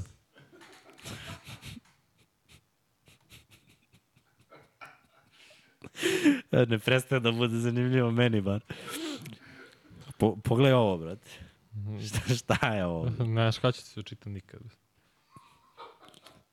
Kad biste znali samo šta se ovde dešava. Kao da otvaram one Jimmyjeve sajtove, bukvalno. Evo, Probat ću levom rukom. možda, možda, možda mi bude krenulo. Kaže Jocika Mitrović bolje od Simanića i Ristića zajedno, pa dobro, okej, ali to je ono što Miksa priča, point je da se tim mladi igračima, da Boriš Simović nije ni toliko mlad više, ali svako Brate, Ristić jeste. On je počeo mlad, nije dobio dovoljno minuta. A delovalo je da će dobiti, ali nije. Nije se desilo. I moramo da vidimo ono šta, šta imamo od tih igrača koji su mladi, nisu igrali za reprezentaciju, nisu igrali u, u klubovima koje mi ovde gledamo da bi znali. I stvarno, im- ja mislim da im treba dati šansu. Šta, mislim, nemamo šta da izgubimo jer kao što ste videli nismo baš ono rangirani među najboljima, nismo kao e, idemo na titulu i sve to. Ne idemo. To je trenutak, daj, daj da vidimo da napravimo neki tim, da se pojavi neka dobra energija, da svi daju sve, od, znaš da vidiš da ginu za svaku loptu i sve to i ako se desi da se poklope kockice, da Kao što ide, sam zamislio ovako. da, da, da, ova vidovita, vidoviti Superman. Znaš da zovemo Vanju Clark Kent, kad je u delu svojim naučarima, a novinar, Da, da. samo nema, samo nema telefonske govornice baš. To ćemo nabaviti u- na areni, bre. Ima me obese tamo. Zamisli da imamo. Zamisli, to možemo ovde da mu stavimo. Da. Ovde. Izbacimo onu lampu tamo iz ćoška i stavimo. Tebi se baš... Šta ti je pera tek počeo? Stižemo samo da ispuštujemo. Darnold, zvanično backup za Broka Pardija. Šta je Sauh? Ne znam šta je Sauh. Blagoj. Da pita Blagoj Čevski. Ne. Sauh, kada pališ auto, moraš da izvučeš Sauh. A, okay, A da bi okay. vozio, moraš da ga vratiš. A, Jer me ima na starim automobilima. A, auto, uglavnom je automatski sauh. Mhm. Nije ručka koja se povlači. Ja sam imao... To, to, to. Zašto me to ja sam imao all-timera, to mi je prvi auto, ovaj Opel Kadeta iz 73. Gde je menjač bio onako dug u podu tamo napred, a on je onako kao, kao Mustang, buljav. I ovaj, ali ima sauh, brate. Vučeš sauh da upališ. Nice. Sećam se kad sam vozio ovaj Ortak Crnje, što je igrao s nama, Will Blocker. Kad je imao potres mozga, ja ga vozio u kući. A, znam tu priču. A on kao, brate, kako se čuje auto, koliko je dobar, on... Ja rekao, nije to muscle car burazeru, ne. ali ako ti misliš, sve je u redu, možda malo si dobio po glavi, ali... Sam teo... U redu. Kaže, 2002. smo igrali sa Amerim u četvrtfinalu, znam šta smo igrali i to je mnogo, to je loše, mislim loše. Nije to toliko dobra reprezentacija Amerike tad bila. I mi smo bili mnogo kvalitetni i naravno da, da smo ih dobili. To da se desi ove godine, mislim da bi nas stvarno raskantali. Be. Ali dobro. Zato se neće desiti, igraćemo protiv Crne Gore u četvrtfinalu, dobit ćemo Crnogorce, do, do, doći ćemo do polufinala. Pita Lazar Sekulić, da li Nemačka može do finala, izgledaju preozbiljno pozdrav iz Jacksona. Ja sam pozdrav, rekao bravo. da igraju finale i gube od Amerike. Ajde da vidimo dalje.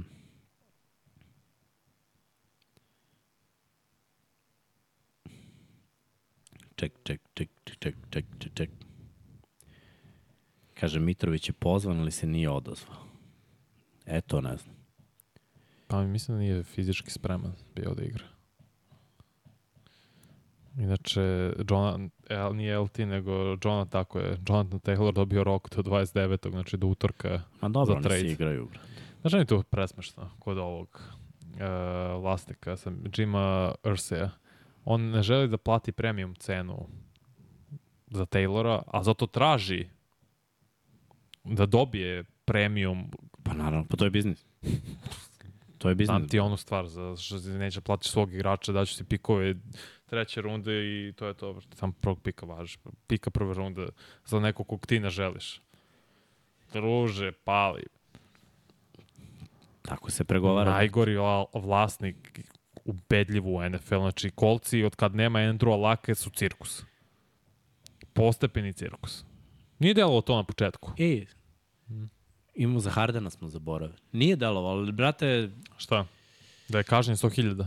da. Pa mislim da je... Ali se ono, kao, Žalit će se žalit će se i... I treba se žale zato što je, zašto je po njemu ispao lažov zapravo Daryl A. Morey, zato što mu je rekao ako pokupi svoju igračku opciju da će ga odmah tradovati. To se nije desilo i zato je Harden bio frustriran i ljut i vjerojatno i izgubio poverenje u Moreja i zato ga nazvao lažovom. Tako da, eto, to je toliko tome. I ne vjerujem da će platiti zato što se igračka asocijacija umešala. Mm, da, pa oni su se zažali. Nema razloga da plati. O, da.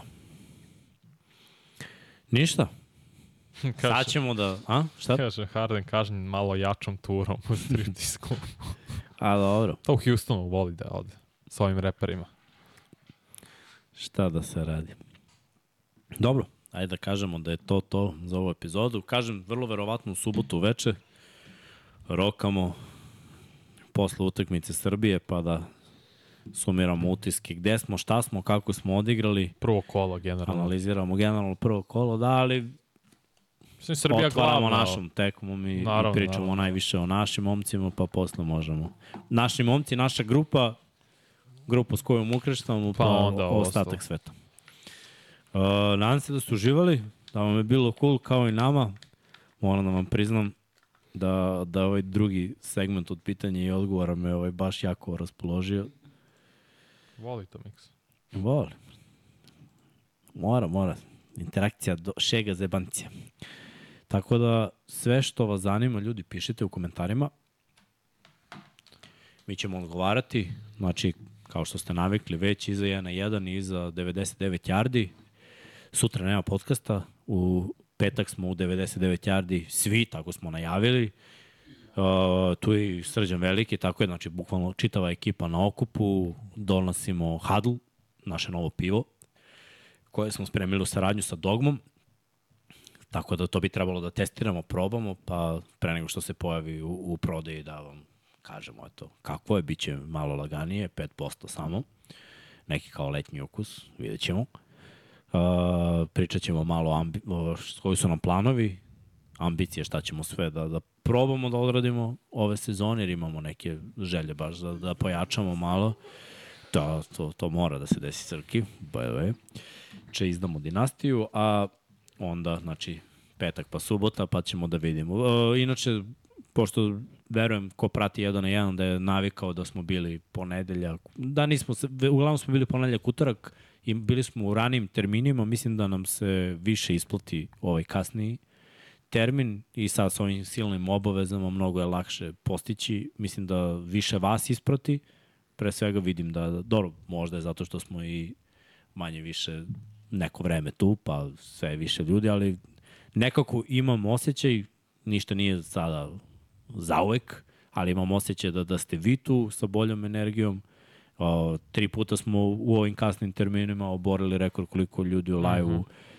i odgovara nekako posle utakmice i vrlo verovatno da će svi drugi, a naravno znate, zemlja smo košarke, da će svi drugi podcaste raditi odmah nakon ili u nekim popodnevnim časovima. Tako da eto, mi, mi ćemo malo da, da se pomerimo i da budemo kasnije, pa eto u tim večernjim satima da možete da čujete i kod nas i, i da budete naravno deo s vašim mišljenjem, sa ovaj, vašom interakcijom, jer to je stvari poenta svega ovoga da napravimo jednu zajednicu, svi budemo srećni i zadovoljni. Još nešto sam zaboravio? Ništa, nisam to rekao, to. da, nisam rekao, čekirajte shop. Ko je kupio dinastiju? Biće, biće. Nekad. I ako želite, podržite ekipu, budite članovi, dobili smo jednog novog člana svetioničara, momak, ne, ne, uguraš, ruši, ne ruši, e. ne ruši. I ovaj, budite pokrovitelji na Patreonu. To nisam rekao, ako želite da podržite ekipu, da podržite ovo što radimo, naravno subscribe. Neko je napisao još na početku kao plakali su u petak za 33 soma, a sada imaju preko. Nije cilj 33, 34, 35 hiljada. Cilj je Milion. prvo 50, pa onda posle 50 cilj je 100. Zašto? Zato što analitika kaže da mnogo ljudi gleda i da je tipa 30% subscribe-ovan. Ja iskreno, ako sam na nekom sadržaju konstantno, budem subscriber.